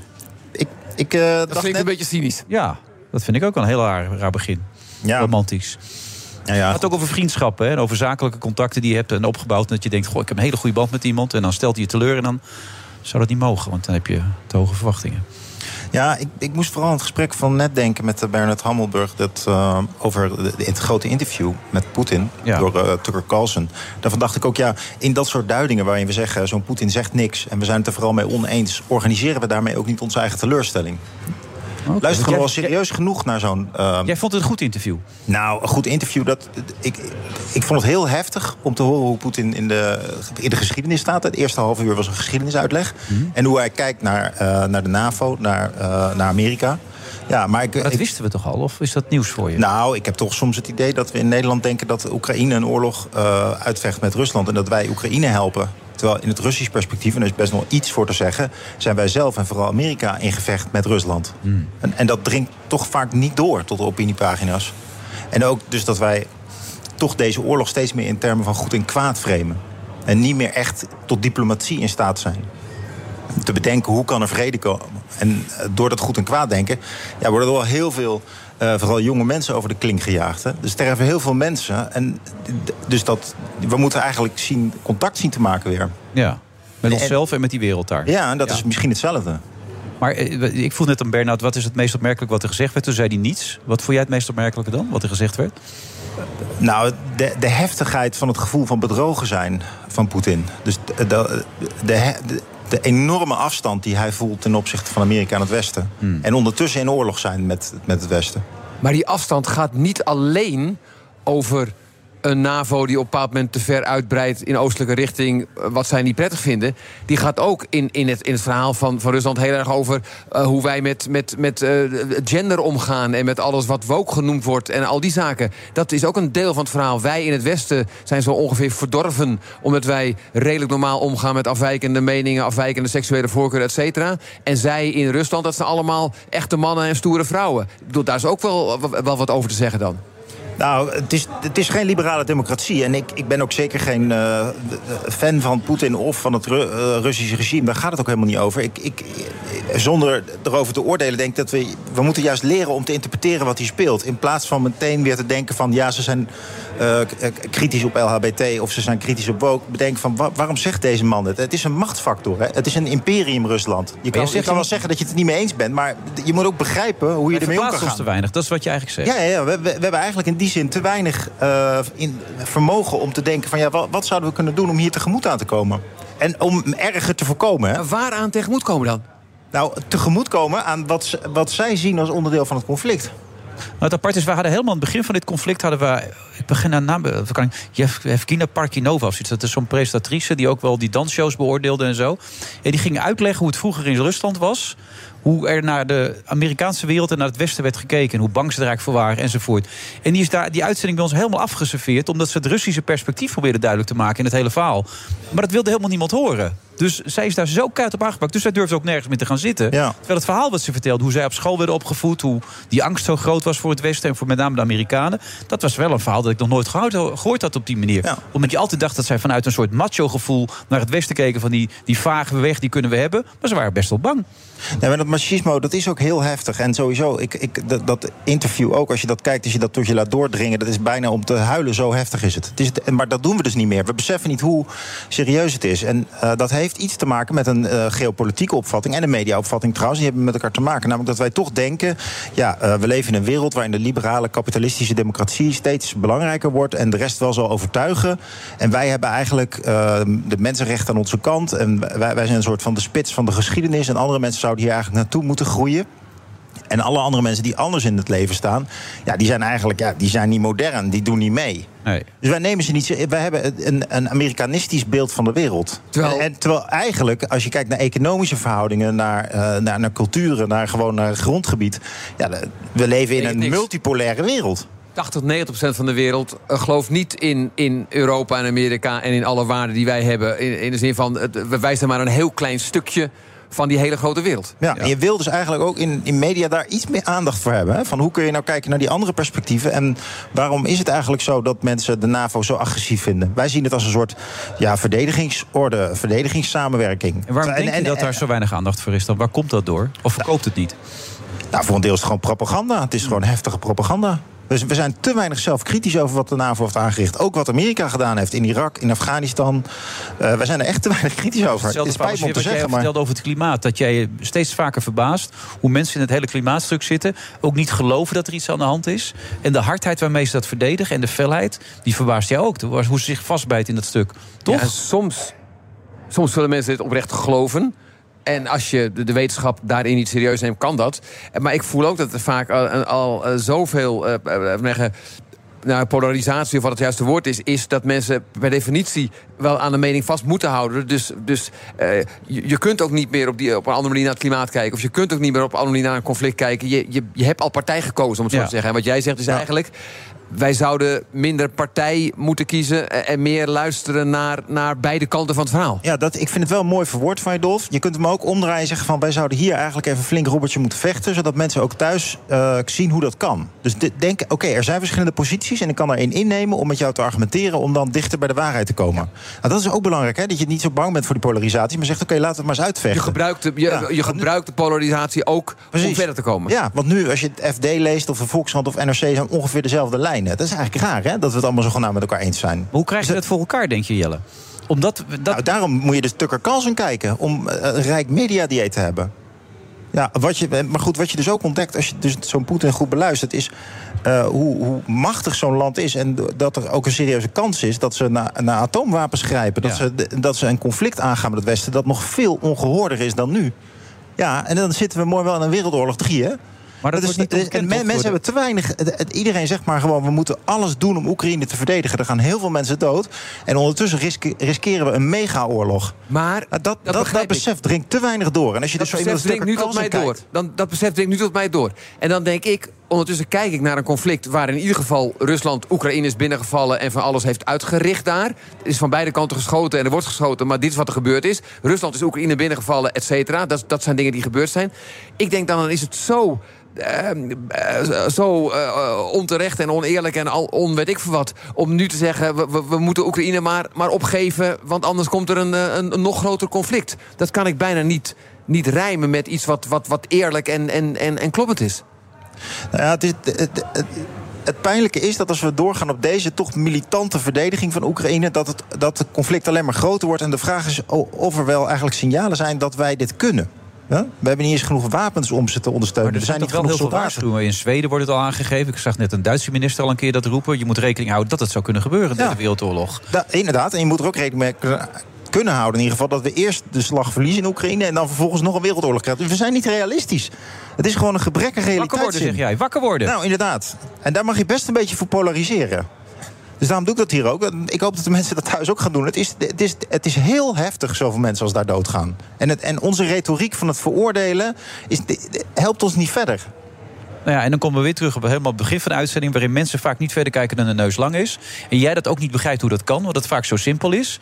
Maar mensen willen het blijkbaar niet zien. Laat ik het zo zeggen, ik geloof dat ik het wel begrijp.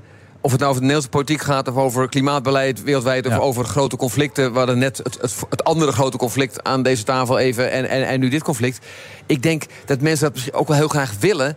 maar dat, dat niet iedereen in staat is om... om alle informatie tot zich te nemen. Als jij zegt, de, de meeste kranten eh, schrijven al hetzelfde. Er zijn ook een van de kranten die daar misschien van afwijken. Maar ik denk dat heel veel mensen dat überhaupt al niet meer binnenkrijgen. Nee, en mensen willen zich ergens aan kunnen vasthouden vaak. En ook, dan hou je dus vast aan of iemand met een, in de politiek met een simpele oplossing. Of het is simpeler om te denken. Poetin is een agressor en een, en, een, en, een, en een bad guy en een en weet ik wat. En Oekraïne is- is aan onze kant. Dus dat is een simpele manier van, van er naar kijken. Dus dan is het logisch dat nogal wat mensen dat doen. Dat betekent niet dat het de goede, de goede manier is. Nou, het probleem, het, het, men is vooral Jij moet bang een keer met... bij ons langskomen. Wij hebben een miljoen kijkers. Ja, lijkt me hartstikke leuk. Mensen dus ik ga het schudden. in. Ja. Maar het is, ook, het is ook belangrijk om eh, in te zien dat je... Je mag best het veroordelen en, en eh, Poetin een agressor noemen... maar je moet wel blijven luisteren. En ook om op tactisch op in te kunnen blijven spelen. Het feit dat wij zo weinig contact hebben met Rusland... ja, dat is eigenlijk op zich fout. Je, je, moet, je moet blijven luisteren naar elkaar. Dat doe jij nu toch ook met die Ramadan-conferentie waar je in zit, of niet? Dan luister je toch ook naar een andere wereld? Juist, juist het feit dat ik met, met twee eh, comedies op het podium sta... die echt een behoorlijk andere achtergrond hebben. In de zin van, de een is een, een Brusselse Turk of een Turkse Brusselaar... en de ander is een Utrechtse Marokkaan of andersom. En ik ben, nou, je ziet wat ik ben. Ehm, dat alleen al met z'n drieën een voorstelling maken betekent iets. En dat betekent dat je naar elkaar luistert. En ik ben niet religieus, de twee andere mannen in meer of mindere mate wel. Het publiek is duidelijk afwijkend van wat ik normaal in het theater tref. Dus die hele Ramadan-conferentie gaat helemaal niet over de Ramadan... gaat helemaal niet over de islam... maar gaat wel over hoe je omgaat met verschillen... hoe je samen iets, iets moois kunt maken... hoe je nou, letterlijk wat jij zegt, hoe je naar elkaar kunt luisteren... en daarin verder komen. Alleen, onze, ons middel is comedy. Dus dat betekent dat het anderhalf uur comedy is. En dat we elkaar eh, vliegen afvangen. En dat we, dat we eh, kritisch op elkaar zijn. Maar feitelijk gaat het erover dat ik opeens voor een zaal sta... waar ook veel vrouwen met een, met een hoofddoek zitten. En andere mensen die normaal niet naar mij komen luisteren. En die opeens mijn, mijn verhaal En hoe pakken ze het op dan? Hoe wordt er gereageerd? Ja, tot nu toe hebben we, we hebben hem vijf keer gespeeld en er wordt heel veel gelachen en heel goed gereageerd. En mensen willen zelfs met mij op de foto. Nou, Nou ja. dan heb je, echt, heb je het echt goed gedaan. Met jouw likability ook nog? Zelfs met mijn likability sta ik gewoon elke avond op de foto. Ongelooflijk. Ehm, Ja. Maar goed, eh, er komen er nog de vraag is of de echte de snijdende thema's daar ook eh, Wat ik doe. besproken worden. hè. Dus op, eh, om even op een vraagde manier tegen je te zeggen. En in de afgelopen verkiezingen was natuurlijk het thema bestaanszekerheid, maar ook migratie. Ja. Eh, heel veel mensen zijn bezorgd over hoe moslims in Nederland eh, leven. En die voelen een grote afstand tussen moslims en, eh, en de rest van Nederland. En, en, heel veel werelden, in de media, op universiteiten, is dat toch wel een beetje een taboe thema geworden. Hè? Dus, dus snij je dat ook op een pijnlijke manier aan, of is het allemaal elkaars vliegen afvangen? Nee, ik, ik geloof, er is niks wat ik niet zou zeggen op dat podium. Of het nou gaat over, over het thema wat jij noemt... of over waar we het net even over hadden. eh, eh, Israël, eh, Gaza speelt natuurlijk ook... er speelt meer, maar er speelt natuurlijk ook, ook religie... en, en de, de link daarmee met, met met het conflict. Dus er is niks waar ik het niet over heb. Ehm, en ik vind het natuurlijk altijd interessant als een zaal... Kijk, als deze zaal, daar zitten in ieder geval bovengemiddeld veel moslims. Want die vinden het leuk dat er een Ramadan-conferentie elk jaar wordt gemaakt. En die komen daarvoor naar theater. Maar er is niks wat ik niet aan zou snijden. Ik kan eerlijk zijn over hoe ik naar religie kijk. Maar ik vertel ook, om het zo te noemen... over een man die in Arnhem probeert een Koran te verbranden... omdat hij een bepaalde mening heeft die raakt aan de islam. Mensen vinden het helemaal niet leuk om een verhaal te horen over een Koran. Hij ging trouwens niet in brand, want het lukte hem niet. Maar feitelijk wilde hij hem in brand steken ik doe dat bewust, omdat dat ook gaat over hoe, hoe mensen naar een geloof kijken... en hoeveel woede ze hebben en wat die man aan het proberen was te, te bewerkstelligen. Terwijl mensen in die zaal vinden het niet per definitie leuk... om iets over de Koran of over Allah te horen. Maar daar hoef ik me niks gelegen aan te laten liggen... als ik maar eh, een comedybedrijf en satirebedrijf. Ja, leuk, we gaan heen, hè? Ja, ik, ik, dat, ik zei dat even van die likability. Want ik las dat jij zei dat jij minder likability had dan bijvoorbeeld Claudia de Brij of eh eh, Pannenkoek, Peter Pannenkoek. dat denk ik. Vind je dat echt? Waar baseer je dat op dan? Ik weet het niet, maar dat denk ik. Ik denk dat er mensen zijn die in de satire... eh, dus inderdaad, iemand als Claudia, iemand als, als Peter... iemand als eh, eh, eh, P- Pieter Derks, er zijn nog een aantal voorbeelden te noemen... die in mijn hoek van de satire zitten... Ja. die misschien minder eh, uitgesproken zijn ook op andere plekken. Ik spreek me nog alles uit omdat ik ja, mijn mond niet kan houden. Eh, dus minder uitgesproken zijn. Eh, minder een heel sterk beeld. Ik denk dat me- heel weinig mensen Peter Pannenkoek een hele linkse cabaretier vinden. En Pieter Derks ook niet. Claudia is natuurlijk een vrouw met een mening. Dat is voor sommige mensen al behoorlijk ingewikkeld. Maar zit aan de linkerkant van het spectrum voor heel veel mensen eh, ben ik iemand die eh, activistisch is en links, et cetera. Maar En dat zou je minder likable maken dan meteen. Ik denk dat dat voor het, voor het brede publiek minder likable is. Of in ieder geval degene die bij de NPO de beslissingen nemen... die laten mij niet de oudejaars op tv doen en iemand anders wel. Dat doet mij weinig, omdat ik hem gewoon... Maar Micha 85 Wertheim heeft dan meer likability. Micha Wertheim is wat dat betreft een hele spannende keuze geweest. Want Ja. dat is iemand die heel intelligent is en prachtig theater maakt... maar zeker niet een likability heeft. Dat, dat zie je ook aan hoeveel mensen daarnaar kijken. Dat is een vrij logisch gevolg van Micha Wertheim de oudejaars laten doen. maar ik vind het ook niet erg. Je zou ook kunnen zeggen... Gezien wat er in de NPO gebeurt, is het helemaal niet erg als die je niet zo leuk vinden. Misschien is het Nee. wel goed om daar een Ja, beetje, een beetje buiten te staan. Ja. kan een goed teken zijn. Maar ik, ben me er dus, ik maak me er niet druk om. Ik maak een oudejaars, ook dit jaar weer. Ik speel hem 85 keer. En wie er op tv komt, het zal wel. Dat Ja. is buiten mijn, eh, buiten mijn macht. Dus ik word ook niet teleurgesteld als de NPO iemand anders kiest. Want ik reken er niet op. Oh, ik was er even verbaasd over. Ik wilde toch even van jou weten wat je dat zo sterk voelde. Maar Jel, nog even naar die media waar we het nu toch over hebben. Ben je teleurgesteld in de media? In zijn algemeenheid, of het nou de publieke omroep is of de commerciële? Nou, ik ben echt een nieuwsjunk. Ik lees heel graag de krant. Maar ik, ik zeg altijd wel van... eh, je moet ook de Telegraaf lezen als je NRC leest. En eh, ook, ook YouTube en podcasten. En dan, eh, als je dat allemaal met elkaar optelt... dan kun je heel veel uit de media halen. Dus ik ben echt een enthousiasteling over media. Maar er is zeker een blikvernauwing opgetreden. In, in, en vooral in de mainstream media zie ik dat er allerlei dingen ja, eigenlijk tussendoor komen. Dat er eh, heel oordelend wordt geschreven en ehm, niet goed naar elkaar wordt geluisterd. Dat er geen pluriformiteit is. Ja, dat valt erg tegen. Veel mensen die aan het woord komen omdat ze een bepaalde huidskleur hebben... of een bepaald verslag of daarover schrijven. Ja, er zit gewoon een preoccupatie met identiteitsdenken in. Dus op economisch, op geopolitiek en cultureel vlak... vind ik, eh, vind ik dat media wel eh, ja, tekortschiet. En daarom ben ik ook een eigen podcast begonnen trouwens... samen met Ad Verbrugge en Marlies Dekkers, De Nieuwe Wereld... Ja, dus YouTube maar. En dan proberen we langere gesprekken te voeren. Ook, zoals jullie trouwens ook leuk doen. Hè, urenlang met elkaar zitten. Dus We hebben gewoon tijd. Ja, Dat is dan- heerlijk. je hebt dan tijd. Mag ik nog één vraag stellen? We hadden het over dat grote conflict. je maakt heel duidelijk waarom het van belang is... om het Russische standpunt in deze mee te nemen. Om niet alleen maar te denken, Poetin is agressor, punt. Waar kan het aan uitkomen? Wa- wa- wa- waar kan dat dan uitkomen? Eh, Kan er een einde aan die oorlog komen? Moeten wij tegen Oekraïne zeggen... wij stoppen ermee, zorg maar dat er vrede komt? Waar komt het uit? Nou ja, Nederland heeft sowieso niet meer veel in de melk te brokkelen. Soms denk ik wel eens zijn we een soort vazalstaat van Amerika geworden. Maar we kunnen in ieder geval vanuit, eh, vanuit onze politiek proberen te stimuleren... dat er eh, snel vrede wordt gesticht. En dat het duidelijk is wat ons doel in Oekraïne is. Ja, dus eh, Poetin verdrijven en ontzetten, dat is een veel te groot doel.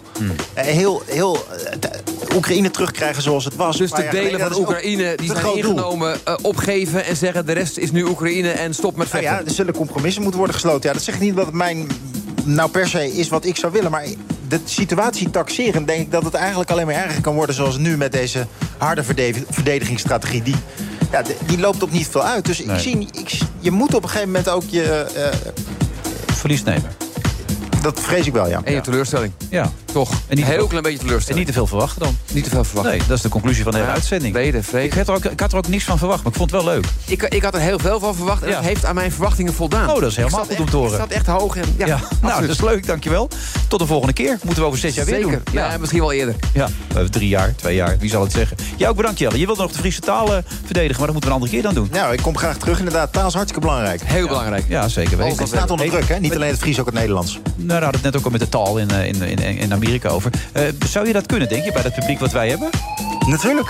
Bij BNR? Oh, nee, niet bij, bij, bij VI? Denk je dat echt? Dat denk ik zeker. Kijk, want eh, eh, Nederlanderschap en het idee van dat we hier een land vormen samen, daar, daar hoort taal bij. Ik denk een van de ge- gevoelens van vervreemding in Nederland, van herken ik mezelf nog wel terug in deze wereld, heeft erg te maken met dat je zowel op het terras als door de hoogleraar in de collegezaal wordt aangesproken we moeten nu naar de uitgang. Hoor je dat? Er is, je gelooft het niet, maar we hebben brandalarm. Dames en heren, tot zover het BNR. Wij Ja. hopen dat u heeft genoten. Wij moeten nu naar buiten. Helaas, het is niet anders. Tot volgende week, dag! Ik wilde weten welke financiële lijken er in mijn kast lagen. Daarna komt de Belastingdienst langs. Nou, die heeft 9,2 miljoen eist die. Nou, dan is het geld al op. En daarom zeg ik ook, ik ben verbaasd. Maar dit is een geweldige klap in het gezicht van eh, Chinese staatshackers. Ik ben natuurlijk wel erg benieuwd naar waar de, de, de, de partijen die nu met elkaar aan het snuffelen zijn, waar ze nu staan. Ik wil ook dat we uit die discussie gaan van is het een demonstratie of niet. Het is allemaal gebaseerd op een antieke wet. Toen stuurde die een appje. President of Mexico, Sisi.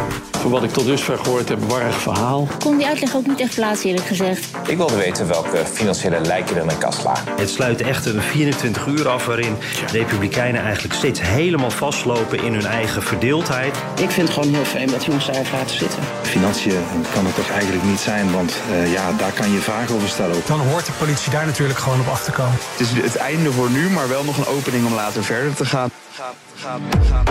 Ik heb me gehouden aan de opdracht. Nou, zo snel mogelijk moet er duidelijkheid komen over hoe diep eh, de scheuren zijn in de samenwerking. Financiën is heel belangrijk, omdat er is altijd tekort aan geld. Ik wilde weten welke financiële lijken er in mijn kast lagen. Toen stuurde die een appje. Om dan het hazenpad eh, te kiezen. Gewoon een hele grote verrassing. Het is het einde voor nu, maar wel nog een opening om later verder te gaan. De Friday Move wordt mede mogelijk gemaakt door Otto Workforce en TUI. Live happy. Business Booster. Hey ondernemer, KPN heeft nu Business Boosters. Deals die jouw bedrijf echt vooruit helpen. Zoals nu, zakelijk tv en internet, inclusief narrowcasting... de eerste 9 maanden voor maar 30 euro per maand. Beleef het EK samen met je klanten in de hoogste kwaliteit. Kijk op kpn.com slash businessbooster. Business Booster.